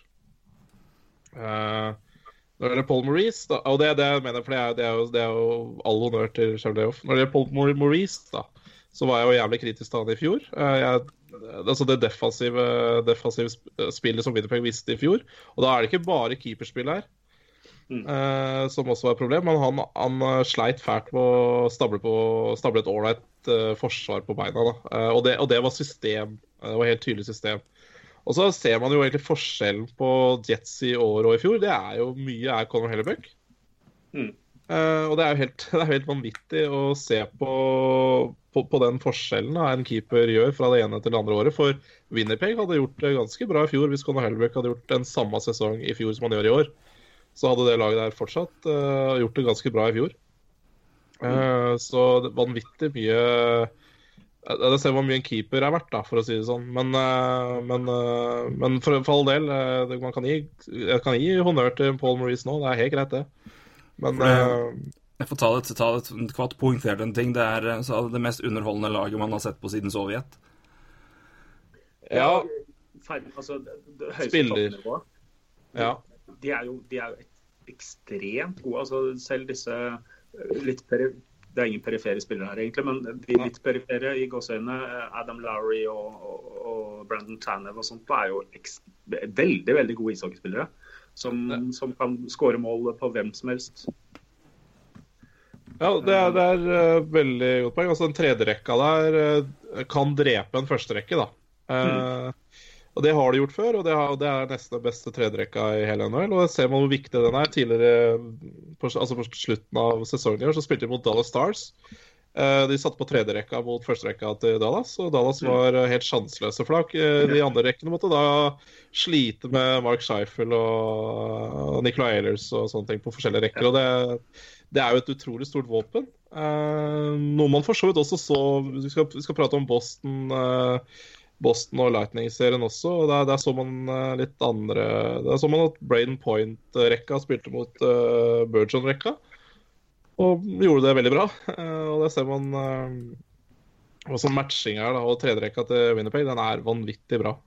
Jeg, har et par tanker til her om, om Winnerpeg. eh, eh, Når det gjelder Paul Maurice og coachingen hans, der, er du, der oppsummerer du det helt, eh, helt nydelig, Ulmoen. Um, men- og det, og det, med forskjellen på eh, Hellebuck eh, som, som dårlig i fjor og som god i år Ja. Man ser, ser på han stå i mål når han har selvtillit. Han, har, han er så ekstremt trygg og rolig i bevegelsene. Det er på en måte det er ned, opp, Mm. høyre, venstre, full kontroll. Over, overdriver ingen bevegelser. Alt er bare rolig. Og Ja. den smitteeffekten det har på forsvarerne foran han, når de Ja. stoler på at han tar det der, så, så kan de opp, opptre veldig annerledes. eh, Ja.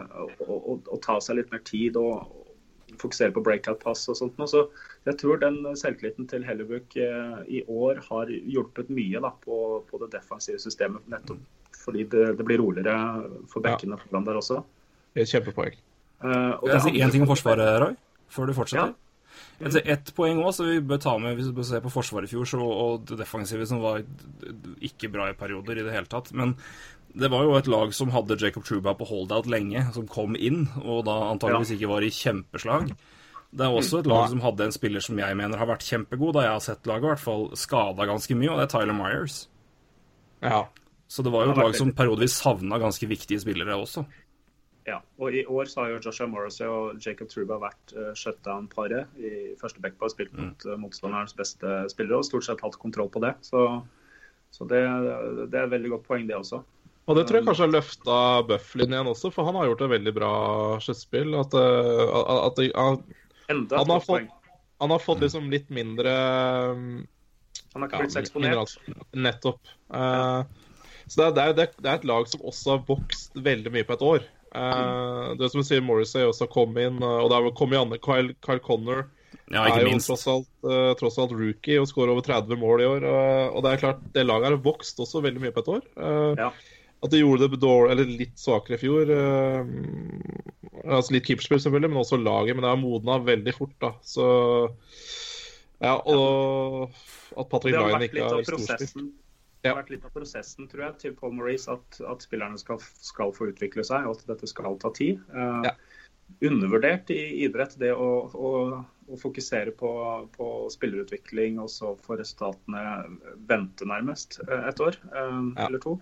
Ja. Um, og Vi ser jo på kontraktene her at uh, Cheveldayoff har jo tenkt langsiktig. Altså, Vi har Mark Schleifle til 6,1 millioner. Han er en av de fem beste sentrene, må han jo være. Helt ellevilt. Den kontrakten er så drøy at herregud. Ja, den er helt nydelig. Og, og uh, Brian Og den varer lenge, altså. Den varer lenge. Ja, Til 2024. Ja. Ja. Og, og Nikolai rakkeren. Ehlers uh, får en ny kontrakt nå som varer i seks år, på seks millioner. Jeg tror Han kommer til, han er bare 22 år. Jeg tror han kommer til å overprestere sammenlignet med den lønna han får der. Um, så det er ikke så mye dårlige kontrakter i laget heller. Uh, og det, Det er en lag som får trøbbel, da. de får trøbbel, Det- ja. Det får de nå. Det er helt Eh, sikkert. Det er veldig mye, er veldig mye bonuspenger i bånn her. For det er mye, mye spillere på entry som presterer veldig bra. Ja, Eh, og ja, så det, det det er Truba Morrissey sine kontrakter da, som kommer til å bli tungen. Og Hellebuck. Hellebuck, ja. De tre nå Eh, i sommer blir jo tøffe. Men så mister blir de så, så, så slipper de slipper og slipper Toby Enstrøm gjør fortsatt en god jobb, men han har nesten seks millioner. Så Ja, det han skal ikke koste det, i hvert fall. da kan du på en måte stryke problemet med den ene bekken. Ja. Eh, Men eh, det er klart fortsatt utfordringer her. Men vi Absolutt. de har lønnsrom òg, da.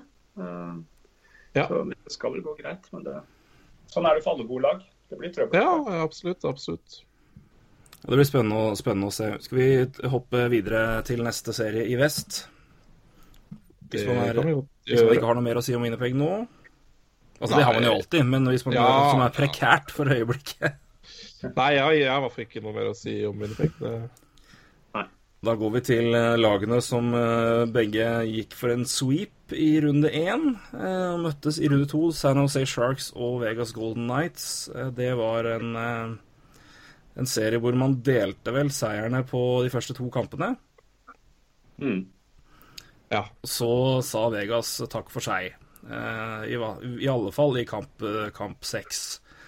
Jeg så andre og tredje periode i kamp seks. Eh, kanskje noe av det mest imponerende defensivt jeg har sett i hockey på lang tid. Jeg tror, ikke, jeg tror San Jose kom til tre skudd i tredje periode. Ja. Noe sånt, i hvert fall. Eh, det bygger bare opp under det vi har pratet om hele tida, organisering av laget her, og hvor, eh, godt de jobber, eh, strukturen i laget, og ikke minst Gerard Galant, som jeg Måten det laget her spiller på, jeg, jeg, jeg bøyer meg i, støvet. Hatten er ikke too utrygg Heidi Weng sa feil, det er over nå, glem det. Men eh, Vegas er altså klare for en conference-finale. Jeg tippa det i forkant, men du må uansett bare stoppe og tenke over hva i all verden er det som skjer. Men det er, det er, det er, det er så imponerende. Og, men igjen, San Jose altså, gir en bra kamp og er jo et godt lag. Vi kan ikke, kan ikke glemme dem helt heller. Er, det, er, det litt, eh, nytt, er, er dette et nytt bevis på at eh, fart slår eh, tyngde? Ja. Ja. Ja. ja. Jeg er heller mot det. Men San Jose ga de litt match på fart, eh, i hvert fall mer enn eh, mer enn eh, mer andre. Men, men det holdt jo ikke eh, i det hele tatt. Og ja, Fleury, da. Herregud. Ja, For fire en shutouts. playoff. For en playoff, ass. Fire shutouts, ja. Nei, det er halvannen mål imot i snitt og 95,1% i redden. Ja, det er eh, Ja. Det, det, vi fikk jo spørsmål her uh, før sending om uh, Consmite-favoritter, eller kandidater. Og Altså playoff MVP, da, for de som ikke ja, kan det. ja, ja, ja, lurt at du sa det. Og uh, mitt valg så langt det er Fleury. Men, uh, men det er noen andre Ja. gode også. Men Fleury er min, i hvert fall. Ja, jeg har, hvis, hvis vi tar de to lagene vi har snakka om nå, så har jeg Fleury i Vegas uh, og Mark Shifley i Winnipeg Jets. Er enig. Shifley har vært fantastisk. Uh, Scheifele har elleve mål på tolv kamper. Det er klart Han eh, hører hjemme i den diskusjonen, men for meg så er det Fleury. ja. eh, Hvis jeg skal velge én. Altså, altså Schäfer har sju multipoengkamper uh, i sluttspillet så langt. Det også er jo uh, start. Men ja, uh, Fleury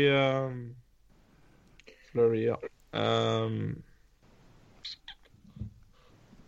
Eh, Den første rekka til Vegas er jo også eh, imponerende, da. Med Marches og Riley Smith og um, William Carlson.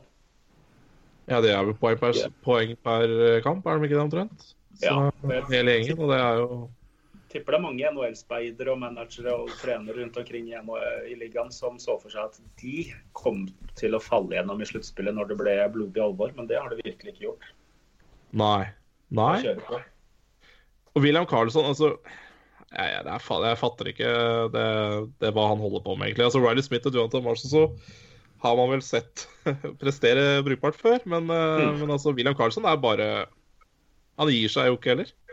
Nei. Men er det, altså, er det er, Vi snakker jo ofte om spillere som kommer inn her. Er William Carlson bare en veldig late bloomer? Det, jeg kan jo på en måte ikke Altså, han, men han har jo aldri gjort det her Nei, på noe nivå, egentlig. Men det, det er jo noen som bare Altså, det er jo noen som bare på et tidspunkt finner det. Altså, det er jo Det, er, ikke noe som kan forklare det bedre, men det det er jo noen tilfeller hvor det bare skjer.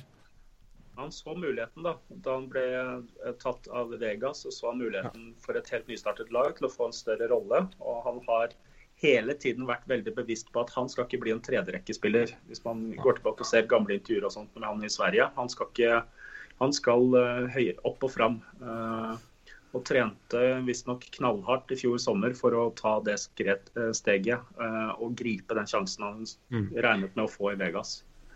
Så um, målbevisst ung mann der.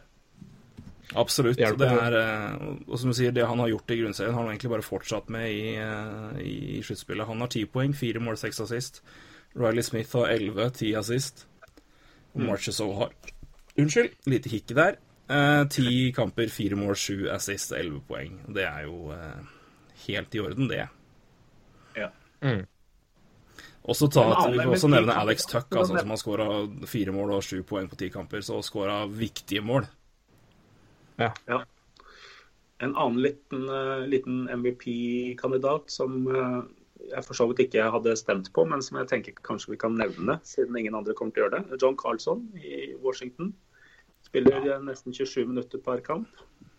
Uh, gjør det powerplay mye farligere enn det ellers ville vært. Uh, fordi han kan skyte, og det kan Versken også, så de må passe seg litt for begge to. Uh, ja, jeg syns han fortjener litt kred. Ja, han hadde vel fort vekk eh, fått min stemme når vi kommer. Vi skal prate mer om Carlson etterpå, selvfølgelig. I, altså John Carlson. William Carlson kan vi kanskje snakke litt mer om, men vi tar John Carlson litt mer senere med, med den Ja, det skal vi serien. gjøre, gjøre det, for der har jeg spørsmål til Kvatt, egentlig. Og så er det, men, jeg, men jeg, det som jeg igjen eh, kommer inn på her, det er eh, strukturen i laget og hvordan de jobber. Men jeg syns jo altså de defensive spillerne har jo levert utrolig bra. Jeg syns Shay Theodore var strålende i runde én, det jeg så der. Jeg syns eh, Colin Miller er jo en, en back som eh, man så potensialet til, og han har også tydeligvis tatt det steget. Der Nate Schmidt har vært strålende perioder. Syns Derek England spiller sin beste hockey.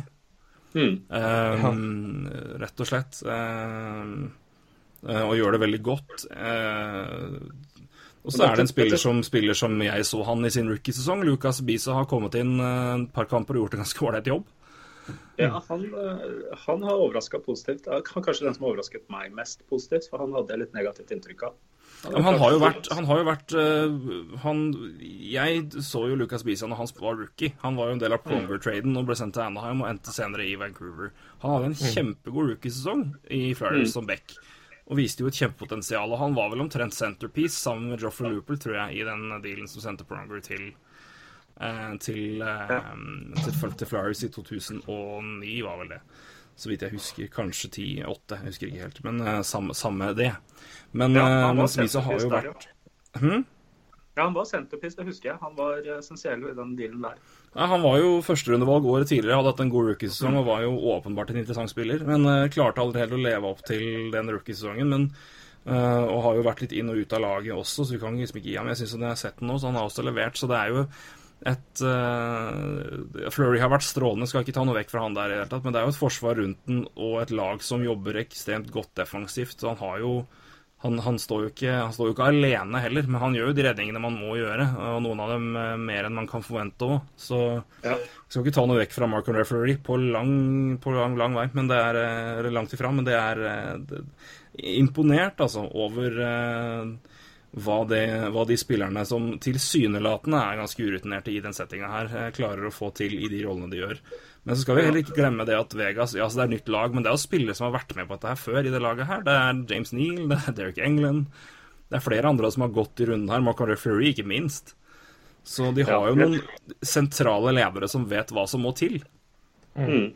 I England så har de også den lokale tilknytningen, i og med at han har bodd i Vegas i 13 år eller noe sånt. nå. Eh, Men, men eh, jeg nøkkelen da, til eh, suksessen i Vegas tror jeg er at de har speidet spillere veldig bra. Eh, Jeg skrev jo en artikkel om dette på 19.no om, om Vegas og nettopp disse bekkene du nevner. Dette var jo bekker som ikke ble brukt like mye som ferdighetene deres tilsa i, i sine tidligere klubber. Eh, Colin Miller var, leverte veldig bra, men fikk lite istid sammenlignet med andre. og dro, Han dro deres, deres Corsi opp. Um, uh, Nate Schmidt gjorde det samme. Uh, spilte for lite en, i, i eh, Washington. Um, jeg tror det, Hvis man så Washington i fjor og så Nate Schmidt spil, spille, så jeg er ikke overrasket at han har gjort suksess. Um, jeg tror vel alle vi tre hadde han på blokka før Fantasy-liga-draften vår, fordi vi så for oss denne muligheten. Um, Det er korrekt. Jeg fikk den i begge. Samme med, samme med Colin Miller. Um, og, og også faktisk også Braden McNabb, som interessant nok Mm. eh, Ikke minst han burde jeg selvfølgelig nevnt. Han har vært strålende. Han, det, er jo, det er bra. Det er takk for at han glemte jeg, men han har vært eh, Da snakker vi solid defensiv back, altså. Fy fader, så god han har Ja. vært. Er helt, helt fenomenal. Og, og, Og en fantastisk Corsi-statistikken hans i Mm. Corsi-statistikken hans i fjor, da. Han spilte med uh, Alec Martinez. Martinez hadde 53,99 uten McNab og 58 med McNab. Drew Doughty løftet seg fra 54 til 66 sammen med. McNab. Mm. Og likevel så spilte altså ikke bare Doughty, Martinez og Jake Mussin mer per kamp enn McNab, men også Derek Forbort, Tom Gilbert og Paul Ladou. Så her har jo da Vegas sett noe som eh, LA Kings ikke så. Eh, de så noe Schmidt som ikke Capital så, de så noe Miller som ikke Boston så. Så speiderarbeidet i Vegas må ha vært helt eksepsjonelt bra. Eh, vi ser det også på Haula og Carlsson selvfølgelig osv. Det, er- det er en parade av eksempler på, på gode valg. Ja. Altså, men så er det også godt gjort å sette det i en setting som fungerer. Men, de, men Vegas tenkte jo ganske annerledes. Altså, en ting er hvordan de jobba der, men de henta jo inn altså General Manager er jo borte fordi den personen som drev det, jobber nå med Cap i Vegas. Mm. Så det er et lag som har tenkt utenfor boksen. Unnskyld, Ulv, vi var ikke med jeg bryter av. Vær så Nei, god. nei, men det, det var bare Jeg tenker på Brain McNab. Uh, altså Noen måtte jo Noen måtte jo Vegas få. Uh, jeg bare tenker også Nate Schmidt uh, tror jeg nok jeg ikke Washington var fornøyd med å miste. Jeg tror Brain, Mc- Brain McNab eller Kings der tenkte de nok OK, de må få noen, det er greit. Colin Miller har jo vært eh, sånn brukbart talent lenge i Boston, men uh, slo jo aldri til, akkurat som du sa, Kotningen. Så uh, der også tror jeg de var helt greit fornøyd med at uh, de tok Colin Miller, og at det ikke ble noen andre. Men ja, det, det er jo interessant der. Jeg syns Minnesota, når vi nevner de spillerne der, med Haula, Tuck Som bare Ja, vi må betale Tuck og Havla egentlig, for å slippe at dere tar Brodin eller uh, Dubba. Ja. Det er interessant. Og det Og Florida, som ga bort, Ja, eh, ga bort eh, Marchessault for at de skulle ta Riley Smith. Ja, Ja, ja motsatt. De, ga, de, de tok Marchesaw og, ga Riley Smith og et fjerderundevalg. Jo, jo, men greia, de ville bli kvitt, eh, det- poenget er at de ville bli kvitt kontrakten til Riley Smith. eh, For den er, den er lang og stor og tung. Så, Mm, ja. Så de betalte Marches, og Det var på en måte belønningen for at de tok på seg Riley Smith. Um, og, og, og de har jo Ja, de spiller jo i første rekka begge to. ja, det gjør Ja, det. det har vært strålende. Nå har, eh, nå har plutselig Florida vært strålende på slutten av sesongen, så får vi se om de Men klart, de skulle Ja, gjerne hatt Jonathan Marches òg. Det er ikke Og den kontrakten til Riley Smith er fortsatt uh, stor og tung, altså. Det er, det er fem millioner i fire år til, og han er eh, 27, så de to siste årene der blir nok ikke så kule. Men, eh, Nei, og den er nok Jeg, jeg kan jo forstå det også. Uh, men nei, det var nok tungt for de å miste Marshall så det tror jeg de Jeg Ja. tror de erkjente sjøl også. Men uh, ja. Det, det ser jo dumt ut. ja, det er lett å trekke fram som journalist nå, i hvert fall. Absolutt. det er det. Ja. Um, Det er, det, det, er, det er så fint å sitte tilbake og vite at man ga laget A pluss i grad i karakter etter draften. Ja, ja, ja, ja, ja, ja. Av helt andre grunner enn at de skulle produ- produsere såpass bra nå, i hvert fall. Det var mer langsiktig. Ja. Ja, ja. men det er jo det som er iron, ironien i det òg. Eller ironien er kanskje feil ord, men altså, én ting er hvem de henta inn og hva de fikk. En annen ting er hvem, hvem de endte opp med å bytte vekk, og hva de satte igjen der. Men der òg, de har jo draftvalg herfra til helvete. Men interessant nok eh, så sleit de veldig med å få draftvalg i 2018. Det var ikke klubbene villige til å gi fra seg. Nei, og det er jo eh, det er, Ja, det er interessant. Det er det. Og det er jo en draft de var villig til å gi vekk noen valg nå, så det er jo kanskje ikke Den har kanskje, kanskje falt litt i stokk, i hvert fall i dybden. Ja, det Eh. virker som den eh, Ja, ja, klart når de ser at de kan Når lag ser at de kan utrette noe, så er jo villigheten til å kvitte seg med den større. Men eh, det kan godt være at eh, 2018-draften ble ansett så mye høyere for et år siden enn den gjør nå. Ja, vi snakka om det i 2017, eller kanskje det var mer at 2017 ble sett ned på, framfor at 2018 var overdrevet sett på som positiv. Men eh, vi klart satt jo og snakka, altså, om den draften og så på at vi, ser, vi så liksom ikke noen klare tegn på at i hvert fall dybden var så mye ille- mer ille i fjor. Jeg, jeg, vet ikke. Jeg har jo sett en del på draften vår. og jeg syns den fortsatt ser veldig spennende ut. Spesielt på back-siden så, så er det eh, bare en uendelig rekke med offensive dynamoer som kan komme. Hvis de slår til. Det er jo Mm. kanskje den vanskeligste posisjonen å spå. Ja, det er det. Ja, det er nok keeper. Ser man Keeper, er- det, er, det er vanskelig å spå en draft et år i forveien, altså. Det er, å si at neste års draft er dårlig, eller det er, det er nesten umulig å si et år før. Jeg bare tenker på altså Vegas. altså Uh, At de har kanskje gitt fra seg førsterundevalget i år. Men altså, de har jo da tre spillere som ble tatt i første runde i fjor, som ikke har spilt ennå. Altså i Brennstrøm, Glass og Suzuki. Mm. Så de, og i tillegg har du Nicholas Haig, som kommer til å spille kanskje neste sesong. Og det er klart, de har jo de har så mye talenter i tillegg til de draftvalgene sine da Altså nå har de, nå har de ikke første og tredje runde i år. Det er klart når du har tre førsterundespillere fra i fjor som ikke har spilt ennå, så Ja. Så er det, det, det, det er jo grenser på hvor mange talenter du kan ha òg. De sitter godt i det. Ja, det er det. er For, for de har jo altså Alex Tuck eh, er jo eh, Han var jo rookie i år. Eh, så Og det kan Og Sheet også. Ikke, ikke rookie, men uh, altså det er jo uh, unge spillere vi snakker om her, så det er jo Ja. Nei, det er Jeg tror de, tror de har gjort lurt. Jeg, mye, jeg var litt kritisk til Thomas Tatar-traden, men, uh, men jeg skjønner Ja. jo på en måte at de ikke kanskje har kjempemye bry for det første rundevalget men jeg syns jo første, andre og tredje runde, hva de ga for det, er ja, Jeg skjønte ikke helt den, men, uh, Nei, jeg gidder ikke engang prøve å forsvare den, for den skjønner ikke jeg heller. Nei. Men hvis du skal være litt djevelens advokat her, så skal jeg ta et siste poeng om, om den. Det er Hvis du ser på jobben de har gjort med scouting på andre spillere, hva det kan gjøre, gi Tatar en offseason, gi han en sesong med trening og la han trene med laget et, et år. Ja. Og se hva det som skjer neste år. Jeg tror Neste år vil være- vil være en mye bedre indikator på hva, hva den kan gi laget, enn det det har vært så langt i år. Jeg, jeg, jeg, jeg syns jo de overbetalte grusomt for den, men, uh, ja. Men jeg Men tror, jeg neste år- tror Tatar kan være spennende i det laget der, altså. Jeg er enig, men neste år kan også være en indikator på hvor bra la, gjør det laget her hvis det får motgang. Og da er det ikke sikkert Riley Smith eh, eller Jonathan Marshall, så jo, jeg har litt mer tro på han. Men, eh, men det er litt viktig å se på det laget her altså, som Det er i medgang nå, da. Det har vært medgang hele året. Eh, Så hvis det her laget her tar motgang neste år, så er det jo ikke sikkert man ser de samme tallene fra Riley Smith heller. Så vi får vente og se om et år. Da kan man jo kanskje dømme Thomas Tatar-traden, men den ser uh, ikke noe spesielt uh, bra ut. da. Men herregud, de har gjort så mye annet bra, så hvorfor skal vi ikke sitte her og dømme? Nei, ikke sant. Vi må jo det, da. Hvis ikke så blir det kjedelig hvis vi ikke kan uh... Ja, ja. Vi må, vi må finne noe å pike på. Før vi går til øst, eh, det er en, en finale som jeg mener har potensial til å bli helt fantastisk spennende, med tanke på to eksplosive lag på hver sin måte. I hvert fall det er mye fart. Det er, det er mye Det er veldig mye spennende offensiv kraft, og utrolig mye spennende kraft offensiv kraft i Winnerpeg. Én ting jeg glemte om Winnerpeg. Paul Stasney-fitten-matchen der har vært helt utrolig bra. Ja, virkelig. Virkelig. Og de fikk han jo til halv lønn, så det hjalp jo veldig. Han, eh, han passa helt perfekt inn der, han.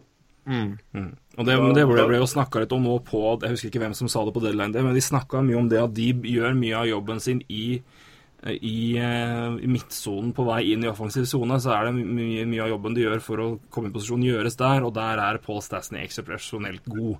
Var, en, eh, var en, en grunn som blir til hvorfor de ønska seg han, og det er eh, det er åpenbart en spiller de har sett mye på, og som de så han kan passe her. Og det spillet, prestasjonen og ikke minst poengproduksjonen indikerer jo det glatt. Så, Ja, så gjør det, jo at, gjør det jo at andre spillere kan gå inn i andre roller igjen nå, da. Um, så, Kan sånn som Brian Brian Little. Ned i fjerderekka, f.eks. Ja. det var så vilt. ja, men ikke sant, og det gjør, det gjør noe med hele laget, ikke sant. Uh, Ja. uh, Kontra Brian Little i andre senter. Uh, ja. Mm. Så, så gjør jo det noe med alt. Um, og det har jo vært helt nydelig, den der. Ja. Og så har jo Kyle Connor fortsatt i sluttspillet. Spesielt hans andre runde syns jeg han har vært uh, morsom å se på.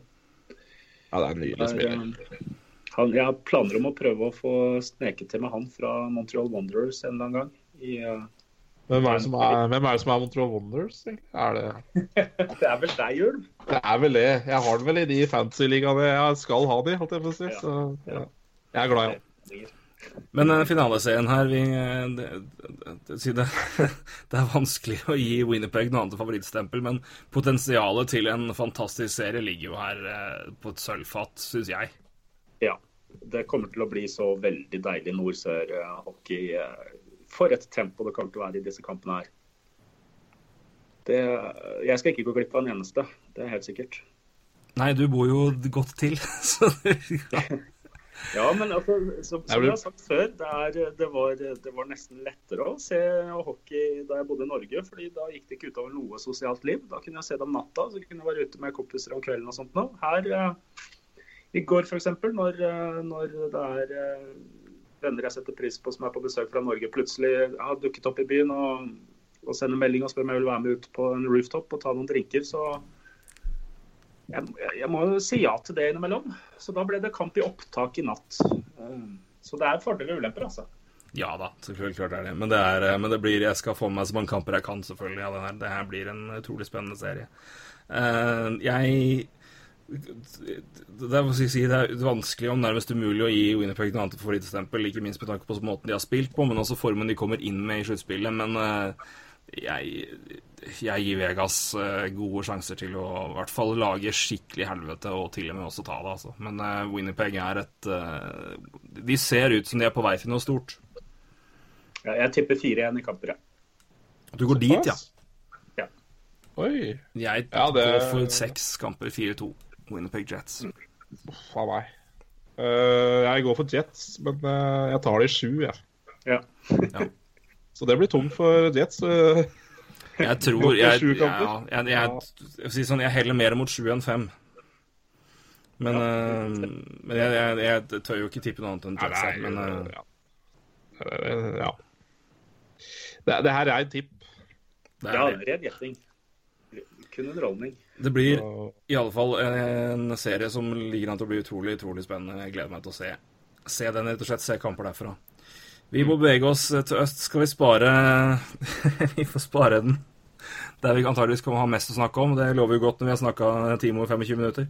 Um, men uh, vi får begynne med Boston og dette er på Bay Lightning. En uh, kjempeåpning for Bruins. De vant vel 6-2 i kamp 1. Uh, Ja. Mange tenkte vel da at oi, oi, oi. Er det sånn det skal gå? Men, men nei da.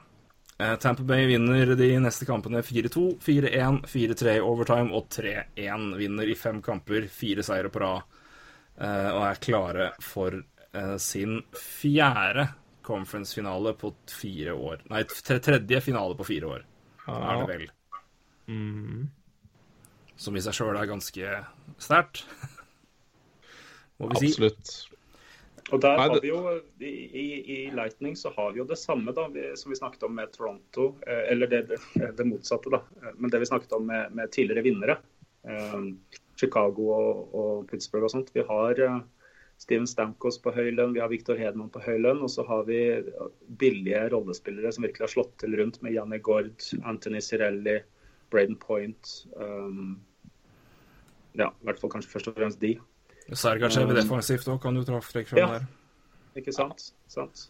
Men den serien som Brain Point hadde mot Boston, altså det er uh, Men altså uh, Kuchov var vel veldig solid i første runde. Uh, var litt mer usynlig i andre runde, men da, slår, da er det Pro Point liksom som tar over. Og det er, det er jo Det er jo så solid og det, det er det som er så viktig da, med de spillerne der. Eh, Point tjener ikke 700 000 engang og er er kanskje en kandidat til eh, MVP, som vi snakka om i stad. Hvis han fortsetter sånn som nå. Og det er jo helt vanvittig. En utrolig god ishockeyspiller, rett og Ja. slett. Ja. ehm, rett og slett en uh, nytelse å se på. Hmm. Uh, og har jo, har jo vært, har vært i rekke med Palat og Johnson, og de, eh, de, uh, ja, de var matcha mot Burgeon og Pasternak. Og gjorde det jo jævlig bra, så Ikke det enkleste i verden, det. altså. Nei, det er vel den eh, verste rekka å skulle matche om dagen, men eh, de klarte Ja. det. Så mm, om det er tilfeldigheter og eh, Det er det sikkert litt av, men også bra coaching. Vasilevskij stått bra. Så det, og jeg var jo litt kritisk til Vasilevskij inn i sluttspillet. Hvordan han kom til å For han har jo ikke vært så vært litt shaky til tider i grunnspillet. Sa han ikke også i et intervju eh, på slutten av grunnserien at han var sliten? Jo, det var jo første sesongen han har vært førstekeeper, så Ja. øh, Og det lova jo heller ikke bra. Du sier at du er sliten. Det er jo Da er du sliten, altså. Da er du sliten. Uh, nei, og, men det å se på Beck-sida her også, så ble det jo, har det blitt uh, vesentlig bedre med Ryan McDonough inn. Det er jo det hjelper når fireren er uh, Hedman, McDonough, Strålmann og Sergachev, kontra å dra inn en Jake Dodgin, da, som har spilt ganske mye med Hedman i første par i år. Eh, han har jo ikke spilt en eneste kamp i sluttspillet. Uh, så ja, nei, det, det laget her også har uh, blitt bedre siden deadline day også. Mm. Så har de jo også spillere for å ta det med det at sjøl vi på en måte mener at de fortsatt er litt altså, Vi var jo kritiske til lønna til Dan Girardi, men han kan jo spille hockey. Det er ikke det det går på. Det er, mm. han har også vært en, en prominent spiller i det laget her. og det, Vi har gitt den signeringa mye tyn, men det er, vi får understreke det når vi prater om det, at det er jo mye lønn det går på der, ikke spilleren. Eh, kanskje Ja. den, den kontrakten jeg har vært mest kritisk til i hele NHL, er Ryan Kessler sin. og Ryan Kessler er en strålende hockeyspiller, men eh, det betyr ikke at kontrakten er bra for det. Så det er jo Ja, det det er er en plutselig måte skille kritikk på, lø- på kontrakt og lønn kontra at en spiller har noe i et lag å gjøre. Eh, Ja, og- og så har du jo en Braden er Coburn som er langt nær så god som han var i Philadelphia på sitt beste. Da var han i Jeg syns Coburn tidvis var strålende da. Eh, og ikke minst pga. fart og bevegelighet. Men eh, han er jo fremdeles en eh, meget habil Hvis du skal legge han i bunn seks, så er det helt, helt greit.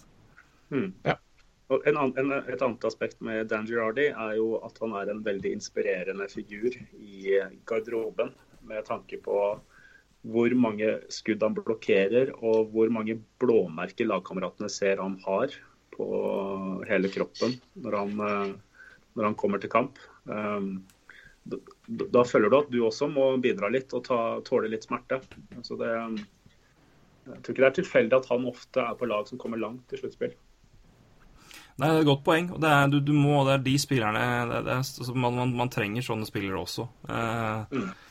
Men så er det selvfølgelig den diskusjonen som vi ofte har med de, er jo hvor du plasserer dem i hierarkiet og i lønnsbildet. Og Det er jo kanskje der ofte kritikken og sånn går. at det er der, eh, der vi ofte har hatt mange diskusjoner med Rick Nash, f.eks. Altså, det er jo Problemet er ikke, ikke spilleren Rick Nash, problemet er bruken og, og lønna hans. Uh, Iallfall Rick Nash nå, i den alderen han har vært. Men uh, Så Nei, Ja, men det, jeg syns det forsvaret har vært kanskje- eh, Unnskyld? kan kanskje snakke litt om Rick Nash, i og med at vi er i den serien. Um, det er jo Boston-Tampa-serien vi snakker om. Mm. Jeg må bare si at den traden som Boston gjorde for å få Rick Nash, er noe av det verste jeg har sett noensinne. Det er helt grusomt. Jeg måtte bare tømme det. Jeg er ikke enig med deg. Ja. betalte, de betalte altså et førsterundevalg i 2018. Eh, en spiller de kommer til å ha kostnadskontroll på i åtte år eller noe sånt nå. Åtte-ni år. Eh, I tillegg til eh, et veldig solid backtalent i Ryan Lindgren og et sjuendevalg i 2018. Eh, Så kan du si de ga Ryan Spooner for å bli kvitt Matt Beleski. Å betale et førsterundevalg i 2018 for en tredjerekkespiller er helt håpløst. Helt håpløst. Pluss Ryan Lindgren, da. Ryan, Ryan Lindgren alene hadde jo vært betaling nok. Ja, og i hvert fall så høyt ansett som han også var i Boston. Eh, Men uh, Ja, nei Rick jeg, Nash er jo en tredjerekkespiller. Han er jo ikke en førsterekkespiller. Han er ikke en andrerekkespiller. Han er en god defensive forward som kan chippe inn med et, poeng, et mål her og der, sånn i, i ny og ne. Er ja, og det. du, du, man så jo det i sluttspillet, men også. Det var jo Nå var litt skada litt innimellom. Man har sett det i alle sluttspillene hans. Ja, Men har ja, det var jo sånn nå. Det var jo sånn nå. Han Ja. var eh, til tider bra, og så Han er ikke noe mer enn det. Nei, det blei dyrt. Det ble dyrt. Lag må, lag må slutte å tro at det er 2015. Det er ikke det lenger. Nei. Det er uh, Nei, uff a meg. Nei, det var så mye fryktelig mye annet rart i det Boston-laget her. Det er så, så mye utenomsportslig også. uh, Ja. Uff, uh, Marshan, altså. Det er uh, en fryktelig type, men en fryktelig god hockeyspiller, da. Så, se, ja, jeg bare kikket inn på Nash sin sluttspillstatistikk her. Ja. Eh, han spilte fire kamper i 2009. Det var tre poeng på fire kamper, det var noe greit. Uh, Mm. Så var neste gang, det var i 2013, da hadde han fem poeng på tolv kamper. Og så var det ti poeng på 25. Og så var det et bra sluttspill med 14 på 19. Og så 4 på 5, men slått ut, da. Og så var det 5 på tolv og 5 på tolv. Så han gjør Ja, altså veldig lite ut av seg i sluttspillet. Og det betaler de et førsterundevalg og Ryan Lindgren for. Eh, da, da gjør du ikke hjemmelekta di, ass. Han gjør ikke medspillerne bedre heller, han er bare god defensivt. Og så skårer han eh, noen få mål. Men han gjør ikke medspillerne bedre, så han løfter jo ikke Det det er grusom deal, altså. Ternekast. Én. Ja, jeg, jeg uh, er ikke helt uenig med deg der, altså. Jeg er ikke det. Men jeg, jeg så for så vidt nytta han i Boston, men jeg, jeg er jo for så vidt enig i prisen der, da. Det, den uh, Ja. Men det er, å diskutere pris er vanskelig, da. Det er jo Prisen er jo det, det som er det man er villig til å betale. Men se på Evander Kane-traden, som jeg syns egentlig den, den var bra for San Jose sin del. Uh, Ja, ja. Gikk jo ikke hele veien det heller, men uh, han gjorde virkelig en forskjell i det laget. Ja. Uh, for et andrerundevalg, uh, eller førsterundevalg, da, hvis han uh, velger å forlenge. Og det, det er jo, det er jo sånn kontra, da. eh, det er strålende. Jeg tror at Boston kunne fått Mats Zuccarello for, eksempel, for samme pris. Eh, og da har du en spiller som gjør medspillerne bedre. Eh, og som også er god, god ja, i hvert fall nokså god defensivt. Det er interessant å si. Du tror det? Ja, det tror jeg. Nei, så, sier du ikke da egentlig at uh, altså Rangers også pri, prissetter Nash på samme linje som Zuccarello? Jo, det blir jo implisitt, det. Men jeg, jeg tror Er ikke det hårreisende av Rangers? Eh, Jo, egentlig, men det er fordi eh, prisen på Nash Altså, jeg tror ikke dette var prisen på Nash. Jeg tror det var det fordi det var så mange som var ute etter å, å skaffe seg Nash. Fordi han har omdømmet sitt, så ble prisen mye høyere. Ja, klart. Omdømmet Nash Jeg er tror- høyt, da. Jeg tror de hadde trada Rick Nash for Ryan Lindgren alene, ja. Eh, hvis det var det eneste tilbudet de hadde. Det var, de hadde ikke bruk for Nash lenger. Han var på vei ut av kontrakten sin. Og, Ja, ja. Så, så, det, så det var tilbud og etterspørsel, rett og slett. Men jeg Ja. tror Zuccarello er tilgjengelig for et førsterundevalg og et prospect. Det tror jeg, Hvis noen tilbyr det ja.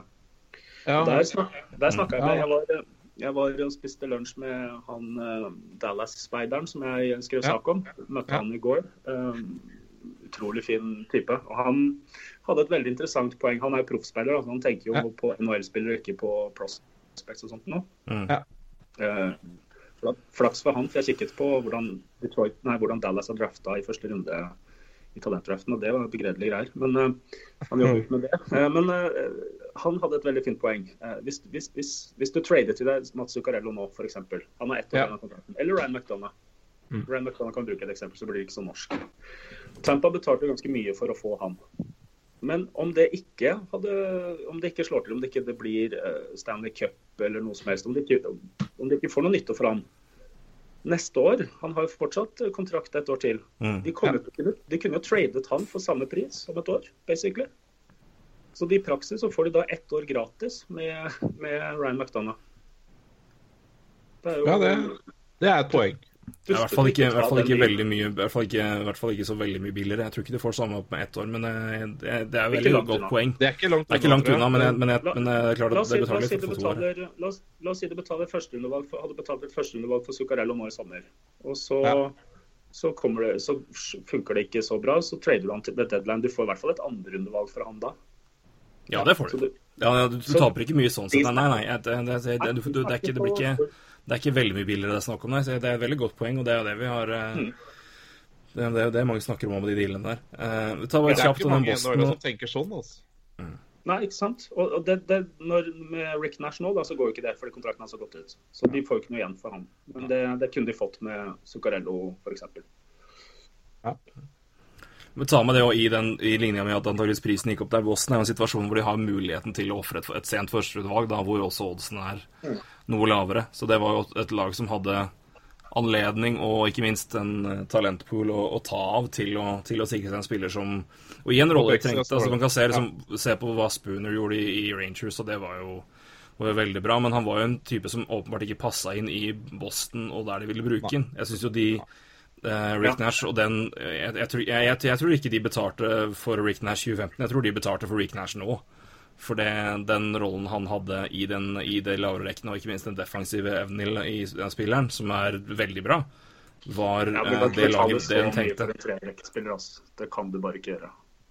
Det, Nei, men om, du, ja, om det er en andre trerekkspiller, er det jo Ja, det er jo jevnt, da.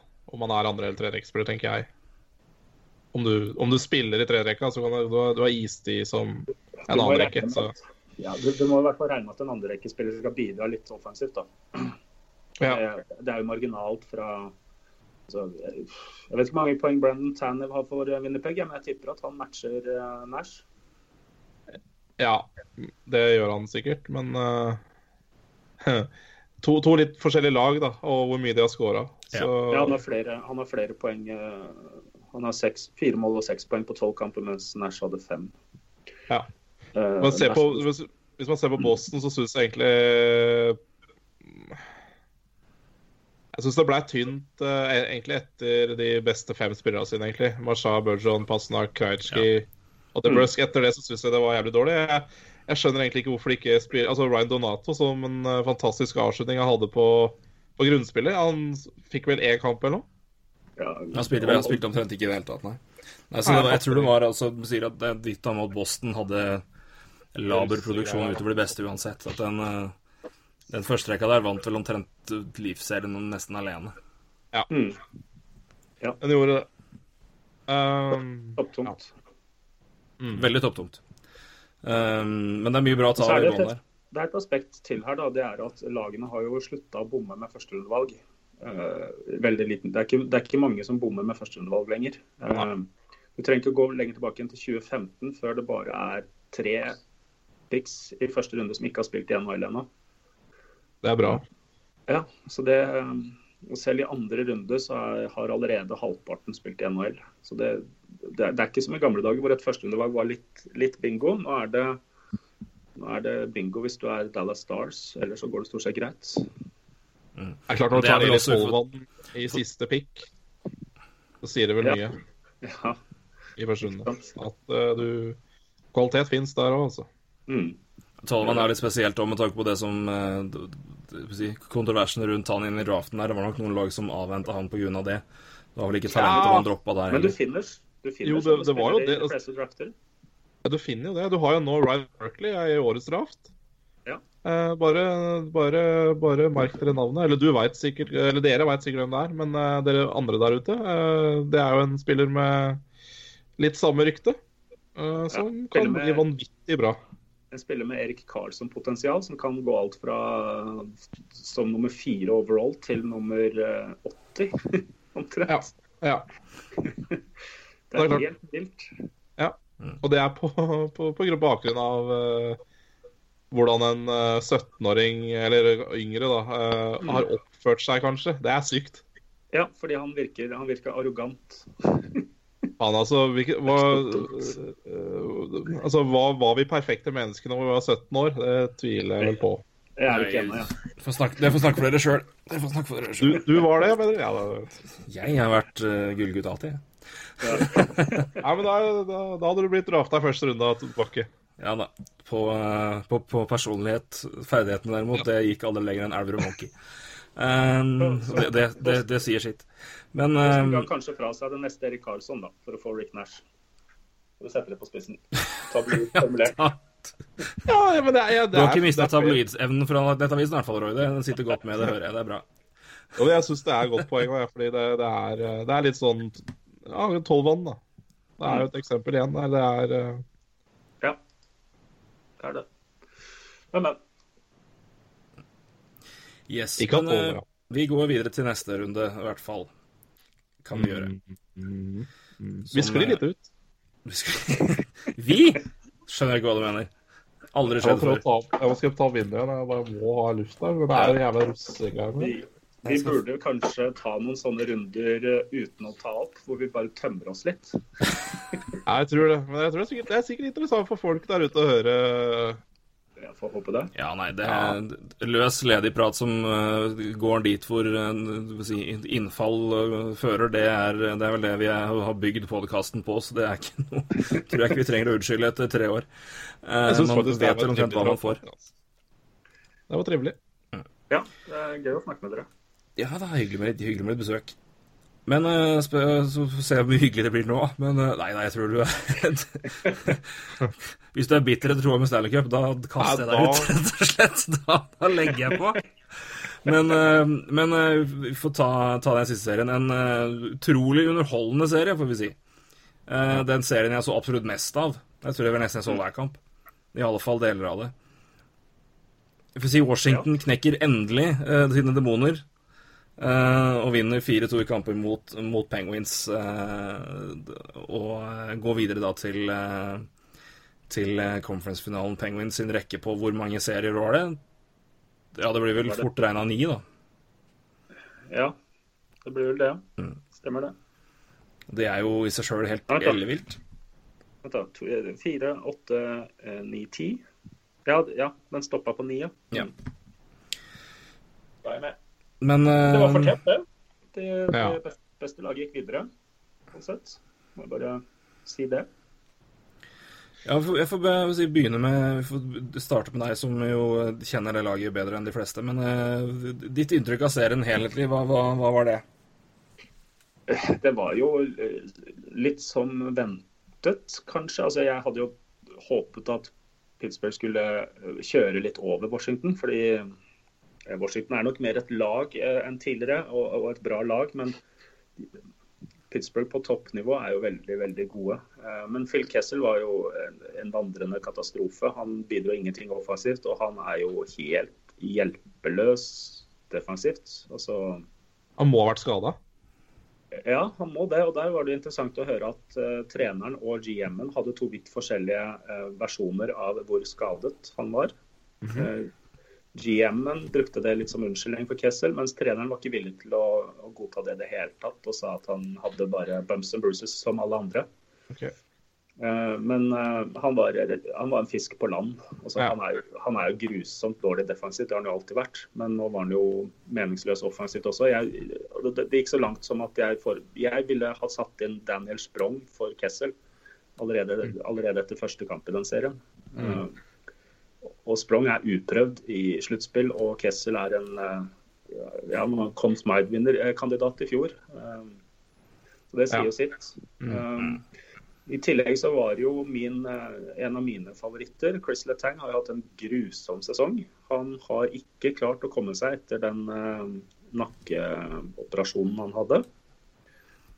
Har virkelig, virkelig vært en ja, ja, litt sånn hva skal man si, Kessel-aktig i forsvar. Altså Han gjør de merkeligste, dummeste ting plutselig, eh, og kostet dem jo kamp fem.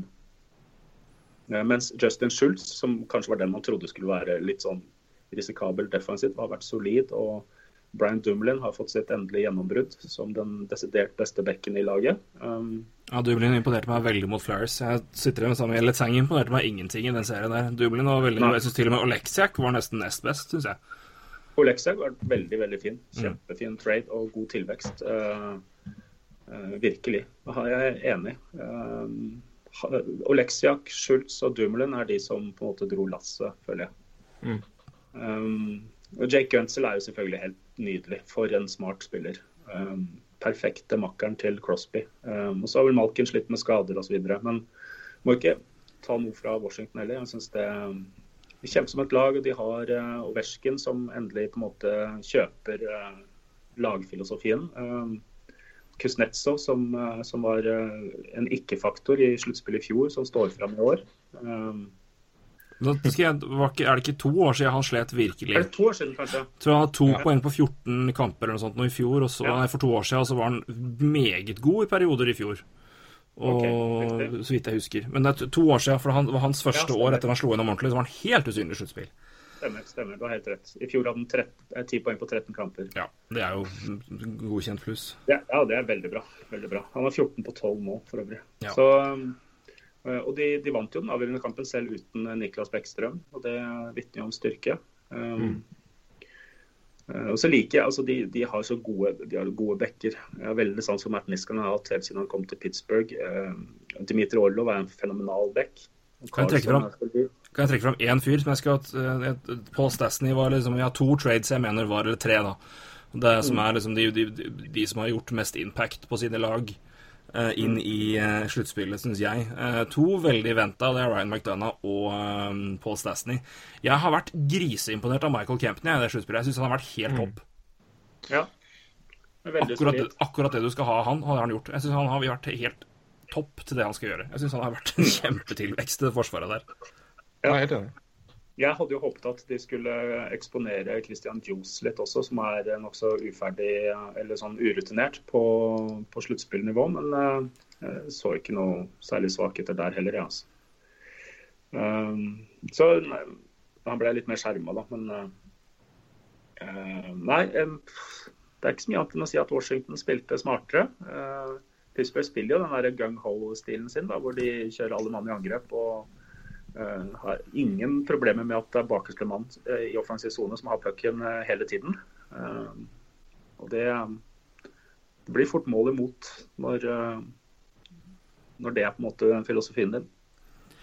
Ja, men Så- levd og dødd med en og fått to Stanley Cups er jo greit. Men eh, Ja. jeg vil si det, i, i den, den det- er klart at det, man spiller jo med høy risk, men samtidig jeg poengterte etter, etter Flurry-serien at det er der Pittsburgh har så kanskje sin største styrke som lag, er jo den jobben de gjør i offensiv sone med å hindre, ut, hindre klareringer og dermed få uh, sjanser med laget i ubalanse.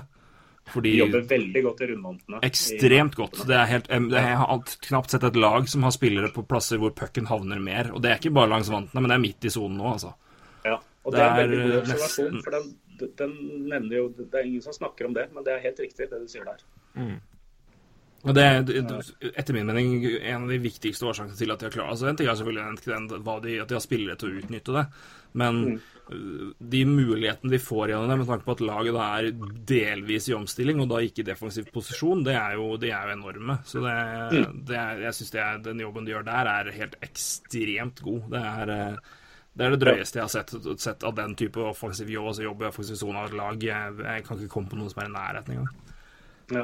Og der, der er altså Brian Dumlin et godt eksempel. Han er helt, helt fenomenal på å velge når han skal pinche i offensiv sone, og når han skal gjøre det i, midtsonen osv. Han tar nesten ingen feilaktige beslutninger når han spiller ishockey, og det, det er ikke lett når du er back. Um, Men noe veldig rart, og det, det skal ikke at det her var noe avgjørende, eller det var jo det var litt det i, i hvert fall i én kamp, men jeg, et, noe som var veldig Altså, Jeg tenker er sjansene de fikk imot når det på en måte det kommer en pinch og de klarer å komme forbi den, men i hvert fall to, kanskje tre ganger, så er det jo mål de har fått imot i sluttspillet rett og slett fordi at én back bare går og bytter uten noe som helst hensikt. ja. Det, det er det rareste jeg har sett. Ikke bare én gang, men to ganger. Man kan nesten lure på om dette er dette et utslag at de har spilt mye hockey eh, de siste årene, at de er mentalt slitne og mister fokus lettere eller noe sånt. Jeg vet ikke. Men uh... Nei, det er, det, er noe, det er ikke noe svar på det. Det, var bare veldig altså, I hvert fall et lag som da er i den jobben de skal gjøre. Og der har jeg gitt Mike Sullivan all heder og ære jeg kan gi, omtrent. Det er bare de har i hvert fall et, det er et lag som hvor det virker som alle spillere vet akkurat hva de skal gjøre, hvor de skal være til enhver tid. Um, og så, ja, i alle fall i de situasjonene der, da, så er det bare noen situasjoner hvor bare Ja vel, du, du stakk der, ja. Eh, ikke at det var det som var den, der noe som helst røk, langt ifra, men det var, bare, det var, det var veldig merkelig og så veldig ukarakteristisk av det laget der, egentlig, som for min del bare er et, har vært eh, ja, gjennomført eh, bevisste på når man skal gjøre hva, da. Og de, men de, de tradet jo også sin Dan Girardi i Ian Cole, eh, som var han som blokka skudd og, og var en sånn lederskikkelse i garderoben. og En som snakka høyt og, og gikk foran um, for å få Brassard. Det var jo Jeg hadde ikke noe imot den traden da den skjedde. Jeg skulle bare veldig gjerne ønske at det ikke var Ian Cole. Jeg ville heller gitt fra meg et førsterundevalg og uh, egentlig to førsterundevalg for å bli kvitt Matt Tunwick i tillegg. Men, uh, men, men savnet av Cole for meg var veldig åpenbart. Uh, fordi uh, Dumoulin tror jeg er en ganske stille type. Ole Matta er en ekstremt stille type. Chris Letang er ikke veldig vokal. Um, Oleksiak er ny i laget. Ruvedl er sj- sjette-sjuende valg. Så det var på en måte Cole som var den som snakka mest og, og holdt de andre på en måte litt i tømmene, litt i nakken. Um, Altså, det er jo et, For å høres veldig hockey-guy ut, det er, ikke, det er ikke et veldig karaktertungt lag. Nei, det er ikke det. Eh, og selv Crosby er jo en stille type. Det er på en måte Malkin eh, som snakker. Uh, Hørnquist snakker mye, heldigvis. Eh, han er jo sjelen i laget, egentlig, Patrick Hørnquist. Men, eh, men eh, jeg tror de undervurderte betydningen av Ian Cole. De jobba jo hele, hele sesongen med å bli kvitt han. Er merkelig. Han må ha han må ha kost seg med kona til en eller annen. Skal vi ikke, skal vi ikke tvile på. Artikkel på 19 og til om en måneds tid. uh, men eh, nei, men det, det var men det, det, På et tidspunkt så må det jo, må det jo skje. En, en tanke jeg eh, fikk fra altså, Washington Penguins har vært et utrolig uh, utrolig rivaleri de siste ja, ti åra. Eh, det er nesten sikkert at nå jo, kan jeg bli tatt for eastern bias og alt mulig, men to av de rivaleriene jeg har hatt mest underholdning av rent kampmessig, også hvor det har vært altså Én er jo godt subjektivt i, men Penguins og Washington og Penguins og Flyers har jo vært fantastiske rivalerier i seg sjøl, altså men på forskjellige måter selvfølgelig, og forskjellig dynamikk i det, men det er noe med at hvis den ene alltid denger løs på den andre, så er det liksom ikke det, Noe av sjarmen går vekk. Ja. Så for det rivaleriet sin del at Washington nå endelig klarte den der, det, det har for min del mye betydning, og det, det, gjør det litt mer spennende når det laget Hvis, hvis de eventuelt møter De kommer jo til å være gode år framover, de der. Der. Ja. Så det- og Washington har jo vært et av de beste lagene i mange år, så jeg syns på en måte de fortjener eh, litt suksess. altså. Ja, det Altså- var vel fortjent. Det er jo Selv om det er Wilson på laget. Ja, det, som, det som sto mest fra for meg, var jo egentlig også keeperspillet her. Eh, Veldig gøy med Braden Holtby, da, som uh, egentlig går inn i sluttspillet som annen målvakt uh, etter Philip Grubauer, men uh, tar jo fullstendig over. Og eh, vinner jo keeperduell med Matt Murray ganske klart. eh, Absolutt. så så det, det er også en faktor. Og jeg syns også uh, påplayet til Washington var jo uh, hadde sitt å si. Uh, Ja. Og det er klart, eh, der har du to egentlig ganske sterke grunner til hvorfor kanskje en jevn serie gjør, blir som det blir. da. Godt keeperspill og eh, eller special teams, da, så, så er det jo det Det trengs jo ikke så veldig mye mer når det er to jevne lag på papiret. En ting jeg vil si om det, eller skal jeg bringe inn uh, dere begge, men antageligvis Kvatt, siden du i hvert fall har sett alle kampene. Uh, noe jeg merka meg veldig i Washington i Powerplay, kanskje aller mest Pittsburgh i penalty kill mot den topprekka der. John Carlson, uh, John Carlson pratet jo om som en åpenbar faktor som jo scora viktige mål i Powerplay. For min del er jo det en, en avgjørende faktor at det ble beaten, er jo at Penguins lå veldig dypt ute på Ovechkin. Han Ja, rørte jo nesten ikke puck i Powerplay. De lå veldig mye ute og skygga han, og det ga jo og For all del, det, skal du ta vekk én spiller i Powerplay, så tar du vekk Ovetsjkin. Det skjønner Ja. jeg. Men det, det var åpenbart Eller jeg tenkte i hvert fall at det var en åpenbar taktikk. Uh, at de tydeligvis ville nesten legge Ja. frimerke på han. Det var det, altså. Det var det. Og det, det er derfor det powerplay er så bra. Fordi du, du, du kan nesten ikke gjøre det. uh, det er ja, det er nesten ikke mulig å stoppe det. altså. Uh, For du kan jo ikke, du har en mann mindre på isen, så du kan jo ikke mannsmarkere både Carlsen og Wersken. Da har du jo en tre mot to-situasjon. Så, så, så det, det er trøblete. Og det er klart du må prioritere Wersken, men uh, du må stole litt på keeperen din også, tror jeg rett og slett. altså. Og prøve å la keeperen din Ja, jeg vet ikke. Det hjelper ikke om keeperen ser skuddene til Wersken. Så Nei, det er sant. det, det er, Nei, men det er, det er, ikke, det er ikke noe Det er mer en observasjon enn noe kritikk, for jeg vet ikke om jeg på en måte kan si at det er feil å gjøre det eh, på noen som helst måte, men det, det var for min del nesten veldig, det ble veldig tydelig etter hvert at det var en åpenbar taktikk. Mer enn jeg har sett noe annet lag gjøre. Altså, de- lå veldig dypt ute med, med sin høye, høye spiller på høyre side. mm. Ja, de gjorde det. Eh, Og mer enn de pleier å gjøre også. Så det, det var åpenbart pga. versken. Um, men uh, ikke, det, det hjalp jo ikke så mye. Nei. Men, Men, eh, eh, ja. Hvis vi skal ta litt Penguins uh, på vei, vei framover nå, så er det Det var Det det er jo så det lett å si hva som må gjøres. Jeg mener det er et, et spørsmål som iblant fint kan svares med ikke så veldig mye. Mye mer enn det kanskje ofte gjøres. Men du som ser laget her og kjenner det bedre enn oss to, i hvert fall. Eh, Hva, hva ser du på som taktikken inn i en offseason nå? Nå skal jo, eh, det, det er et par store spørsmål her. Da. Det ene er Phil Kessel, og det andre er Chris Letang. Eh, eh, Det virker for meg som de har bestemt seg for at Chris Letang slet denne sesongen pga. Den nakkeskaden som han kom tilbake fra, og at, håper at han blir bedre neste sesong. Han, han er kjent for å jobbe veldig hardt i offseason. Et annet aspekt der er at han tjener jo 7,25 millioner, og det er vel ikke så veldig mange som vil betale mye for han, sånn som han har spilt denne sesongen her. Så de har kanskje ikke så mye valg. Det er nå én ting. En annen ting er at de sitter jo på Matt Hunvik som en sjuendeback til 2,25 millioner, som er en helt grusom kontrakt, og var det allerede da den ble inngått. Ja, Han- det skjønte jeg allerede noe som helst av. ja, han, han må de jo betale for å bli kvitt. Altså, De må gi fra seg Daniel Sprong eller noe sånt for å få noen til å ta han. Så er jo sinnssykt. de er, de er jo stuck med han. Um, men uh, de trenger jo å få inn en uh, De må signere Oleksiak, som kanskje Han blir vel ikke så dyr, kanskje de kan få ham for et par millioner. Han har vært helt strålende. Ruvedel er en fin sjuende back. Så da har de Letang, Schultz, Dumoulin, Mata, Oleksiak. Så trenger de å få inn én back til. Det er punkt én. Um, punkt to er uh, hvor mye skal Brian Rust ha i lønn? Han er uh, undervurdert og viktig. Eh, Daniel Sprong har de allerede sagt, Redford har sagt at han skal spille NHL hele neste år. Han skal på en måte forfremmes. Eh, Og da er jo spørsmålet hvem skal ut? Fordi eh, Sprong er høyreving, og bare høyreving. Eh, Patrick Hørnquist er høyreving, og Phil Kessel er høyreving. Mm. Og Sprong kan jo ikke spille i fjerderekka. Eh, og Brian Rust spiller høyreving. Så du, du kan dytte Rust ned i fjerderekka, men da blir nok han en dyr fjerderekkespiller, siden han har to Stanley Cup-seiere og skal forhandle RFA nå. Mm.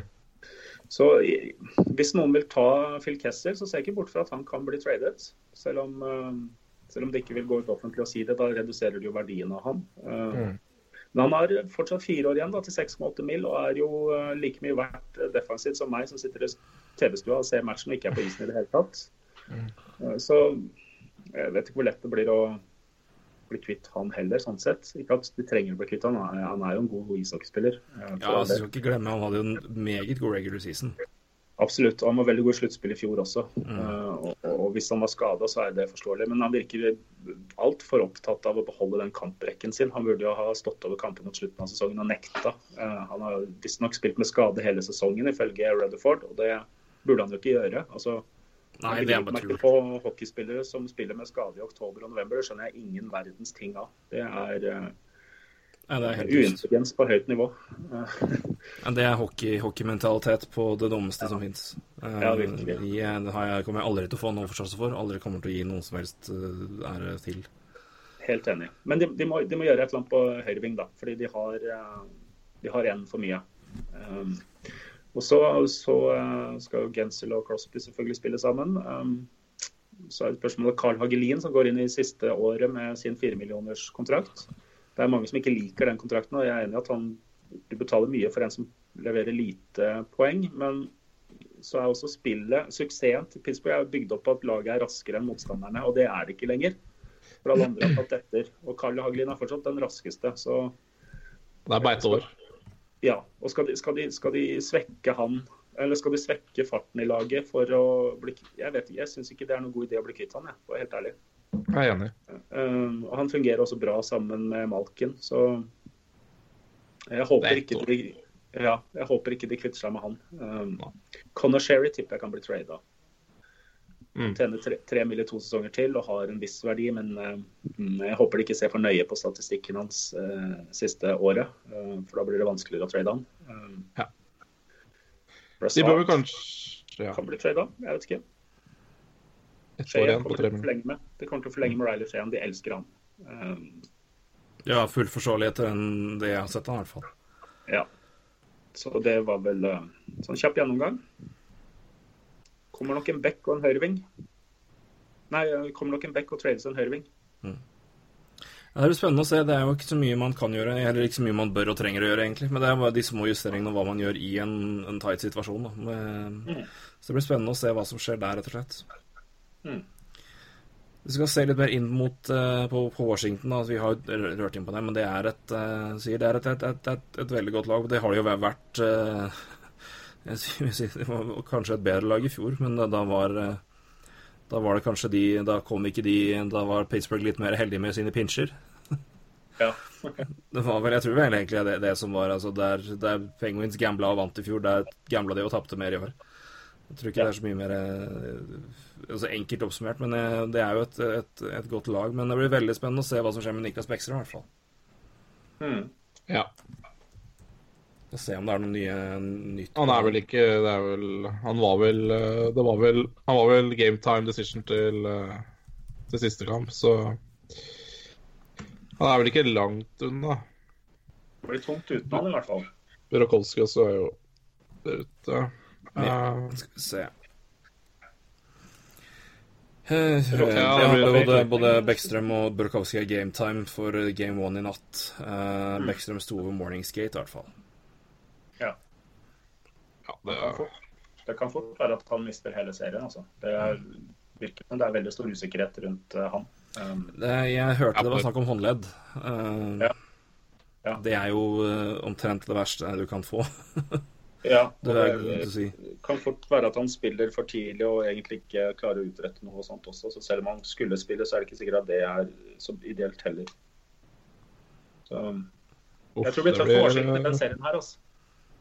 Ja, det blir jo det, altså. Eh, Når, eh, jeg tenker altså Hvis Bekkstrøm er ute, så er det Kuznets og Wailer eh, mot eh, Stamkos og Point, og det Ja. Ja, det er tungt, det.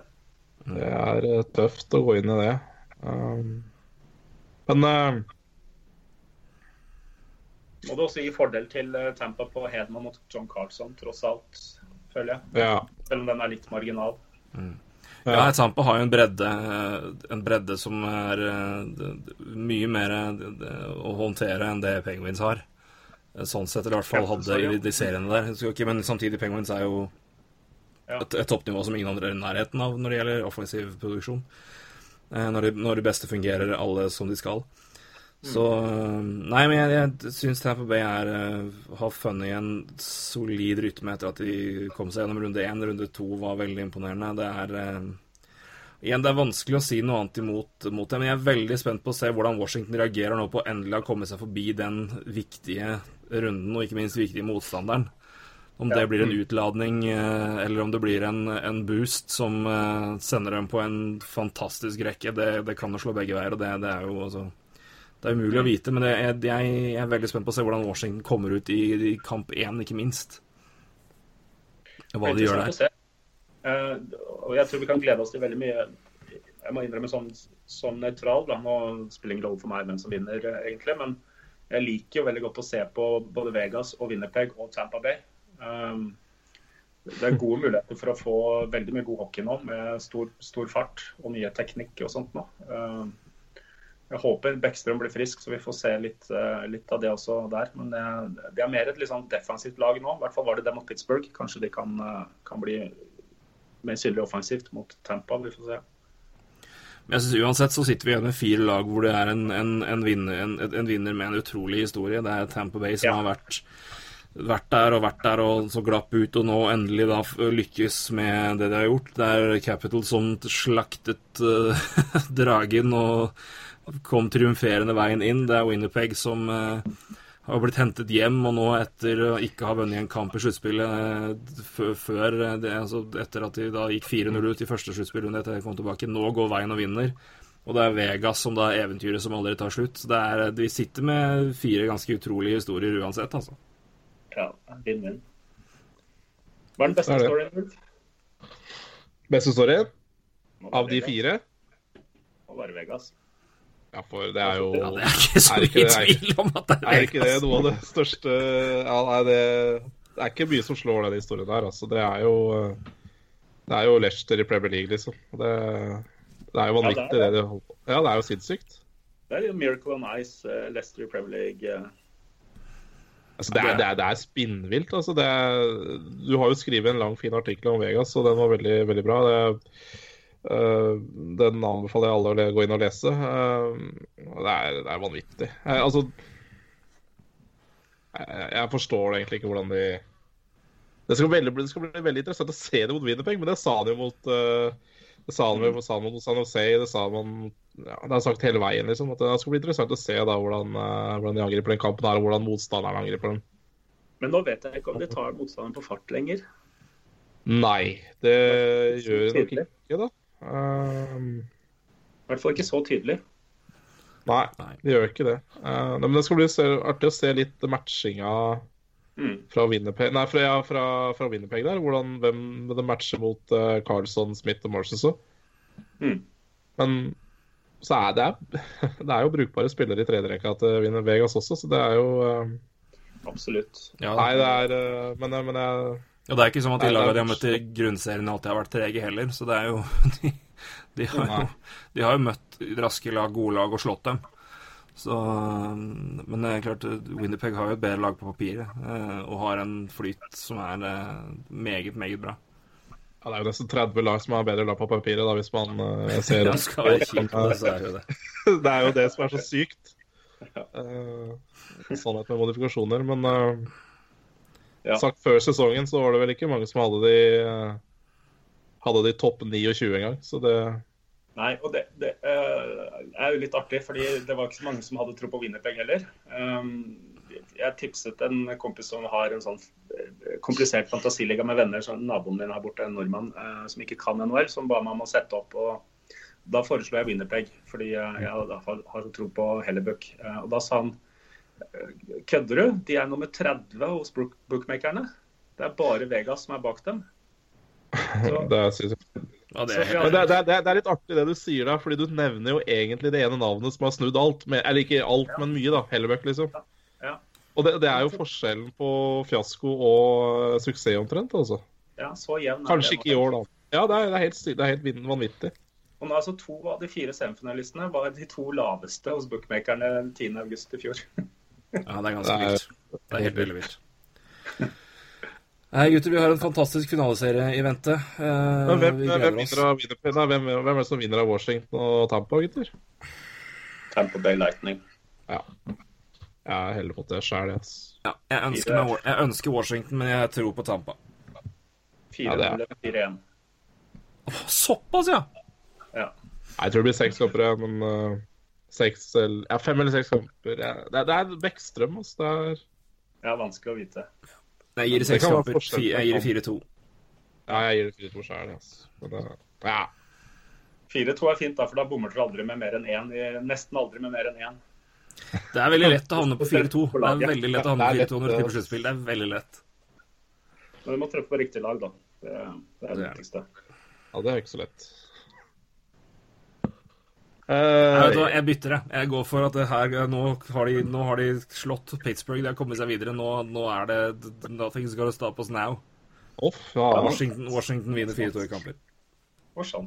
Jeg var nesten like overrasket som at kjerringa kom med en øl til meg akkurat nå, men det Hun er årets uh, dame, hun, så det er jo greit. det. Ja. Strålende tippa. Jeg ser jo forresten at Sverige har fått eh, brukbare forsterkninger til VM nå i Filip Forsberg, Viktor Arvidsson og Mathias Ekholm. Å, såpass, ja. Det er, Da er det bare å reise til Stockholm og feire VM-gull, da. ja, tar det på hytta. Nei, så enkelt er det vel ikke. Nei, det er jo Ja, det er omtrent det i VM, da. Det er jo. Ja, vi skal slå ut Comeback David, da. Vi skal det. Det er sant. Det er ikke bare bare. Nei, men gutter, prøver, prøver på en eh, avrunding igjen her. Det har vært en, det er en strålende, finale, strålende finaleserier vi har foran oss. Jeg syns sluttspillet så langt har vært utrolig utrolig moro. Det har vært et, eh, et kjempeplayoff så langt, med underholdende serier, utrolig mye highlights og, og, og, og nerver, ikke minst. Mm. Eh, Det har vært, eh, Vi gleder oss til å følge de kampene og eh, kanskje lese litt om noen av lagene og noen av spillerne på 19.no. Ja, jeg tenker jo å gjøre en sånn analyse av de lagene som er slått ut. Så jeg begynte med Boston. Så det, det neste blir vel kanskje Pittsburgh eller Nashville. Så, Mm. så det blir nok litt mer skriverier framover, ja. Jeg eh, skal vel si at det er ett lag som røk ut i sluttspillet, som jeg kanskje kan skrive en analyse om dersom du, har, eh, dersom du er interessert. Det hadde vært veldig fint. Det hadde vært veldig fint. Så begynte å tenke på det når jeg leste Boston-analysen din, at det kan ha, kan ha levere gjennom eh, om Philadelphia. Bare Men, å eh, starte. Det skal jeg gjøre. lag som, hva- hva lag som ikke kom til sluttspill? Er det Nei. Det, det, det er sånn fint jeg kan gjøre i sommeren. Det er litt roligere, Sommerstoff. tenker jeg. Det er jo Ja. Det tar litt tid, da. Det tar litt tid. Det Det tar veldig lang tid. I hvert fall med lag som, eh, lag som eh, gikk ut eh, før sluttspillet, så er det jo ganske vanskelig å se hva faen gikk gærent. Men uh, Vi har noen spørsmål før sending, men jeg syns egentlig vi har dekka det meste av det. Uh, Jeg faktisk. tenker det samme, egentlig. Men du kan Det var kikke. MVP, da, om det var noen andre enn de vi nevnte i Vest og Carlsson, for så vidt. Ja, Eh, Lightning, Lightning MVP så langt har vi jo ikke sagt. Nei, det Det er vanskelig å si, da. Det er jo to runder igjen. Ja, det er det. Det er det. Og jeg syns egentlig det er Lightning er kanskje verst å peke ut en, for det er Altså Når Braden Point kanskje er klare favoritten nå, da sier det seg sjøl at det er litt sånn eh, shaky. Ikke shaky, men det er mange som står fram, eller Ja, altså det er, det er mange, men det er klart at de er lettest å se på pga. poeng. Men jeg syns jo det jeg har sett og det jeg også har lest om serien Ryan McDonough har jo vært kjempegod. Um, Vaslevskij har vært veldig bra, selvfølgelig, men det, det er veldig Men det, er, eh, det blir som regel angrepsspillere eller keepere. det er noe med det. Men eh, nei, jeg syns det Lightning er vanskelig å ta. Washington Nei, Ovetsjkin i Washington, eller? Carlsson er vel høyt oppe der. Eh, Kuznetsov har vært eh, veldig god. Eh, jeg syns Ovetsjkin har vært eh, Han har gjort Ja. eh, Han har vært veldig god, men han har også vært veldig sentral i nøkkel i avgjørende øyeblikk, syns jeg. Han har, vært, han har kommet, han har scora viktige mål. Han hadde en eh, fantastisk assist på det som ble, ble vinnermålet i kamp fem. Ja. Og så har du Holtby i tillegg. Så det, Holtby, det ikke blir minst. avgjort, eh, det blir avgjort i neste to rundene. Men det blir nok en av de fire hvis Washington vinner. Det tror jeg nok det blir, dersom ikke noen godtar fullstendig fyr i tredje runde. Det hender jo det òg. Jeg har vært borti det. Jusser, en Ja. glede å prate med dere begge to. Eh, lang prat, som blir alltid når vi snakker sammen, men eh, vi må vel eh, klappe, pakke sammen litt nå. Jeg må vel, jeg må vel det. Du skal jo skrive litt saker, eller, Gatningen? Ja, først og fremst så har jeg vel et sånt uh, naturens behov. Ja, riktig. Det Så får du skrive etterpå. Det syns jeg du skal få lov til å gjøre først, i hvert fall. Hva er den neste, neste fine saken på 19.no, da?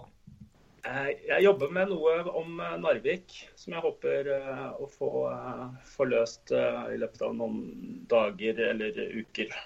Um, Nei, dager. Um, Så det er vel det neste hovedfokuset mitt. Konge. Det blir spennende spennende å se. tillegg til, i tillegg til den daglige oppfølgingen av uh, NHL. da.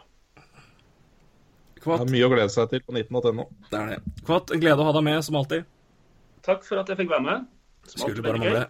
Ulv, du får kose deg med ølen fra Ingvild, og så snakkes vi eh, rett som det er. Skal jeg jogge gjøre. Så dere andre får nyte sluttspillhockey imens, og hockey-VM i tillegg. Det er mye fin hockey å se på, så vi bør klare oss godt uh, for tida. Og eh, vi skal da være innom litt iblant om noen podkaster, vi òg. Og bidra litt med litt hockey-goods, håper vi. Men eh, t- till next time, takk for nå. Og til mine kjære kompanjonger her, ha det bra. Hei. Ha det bra.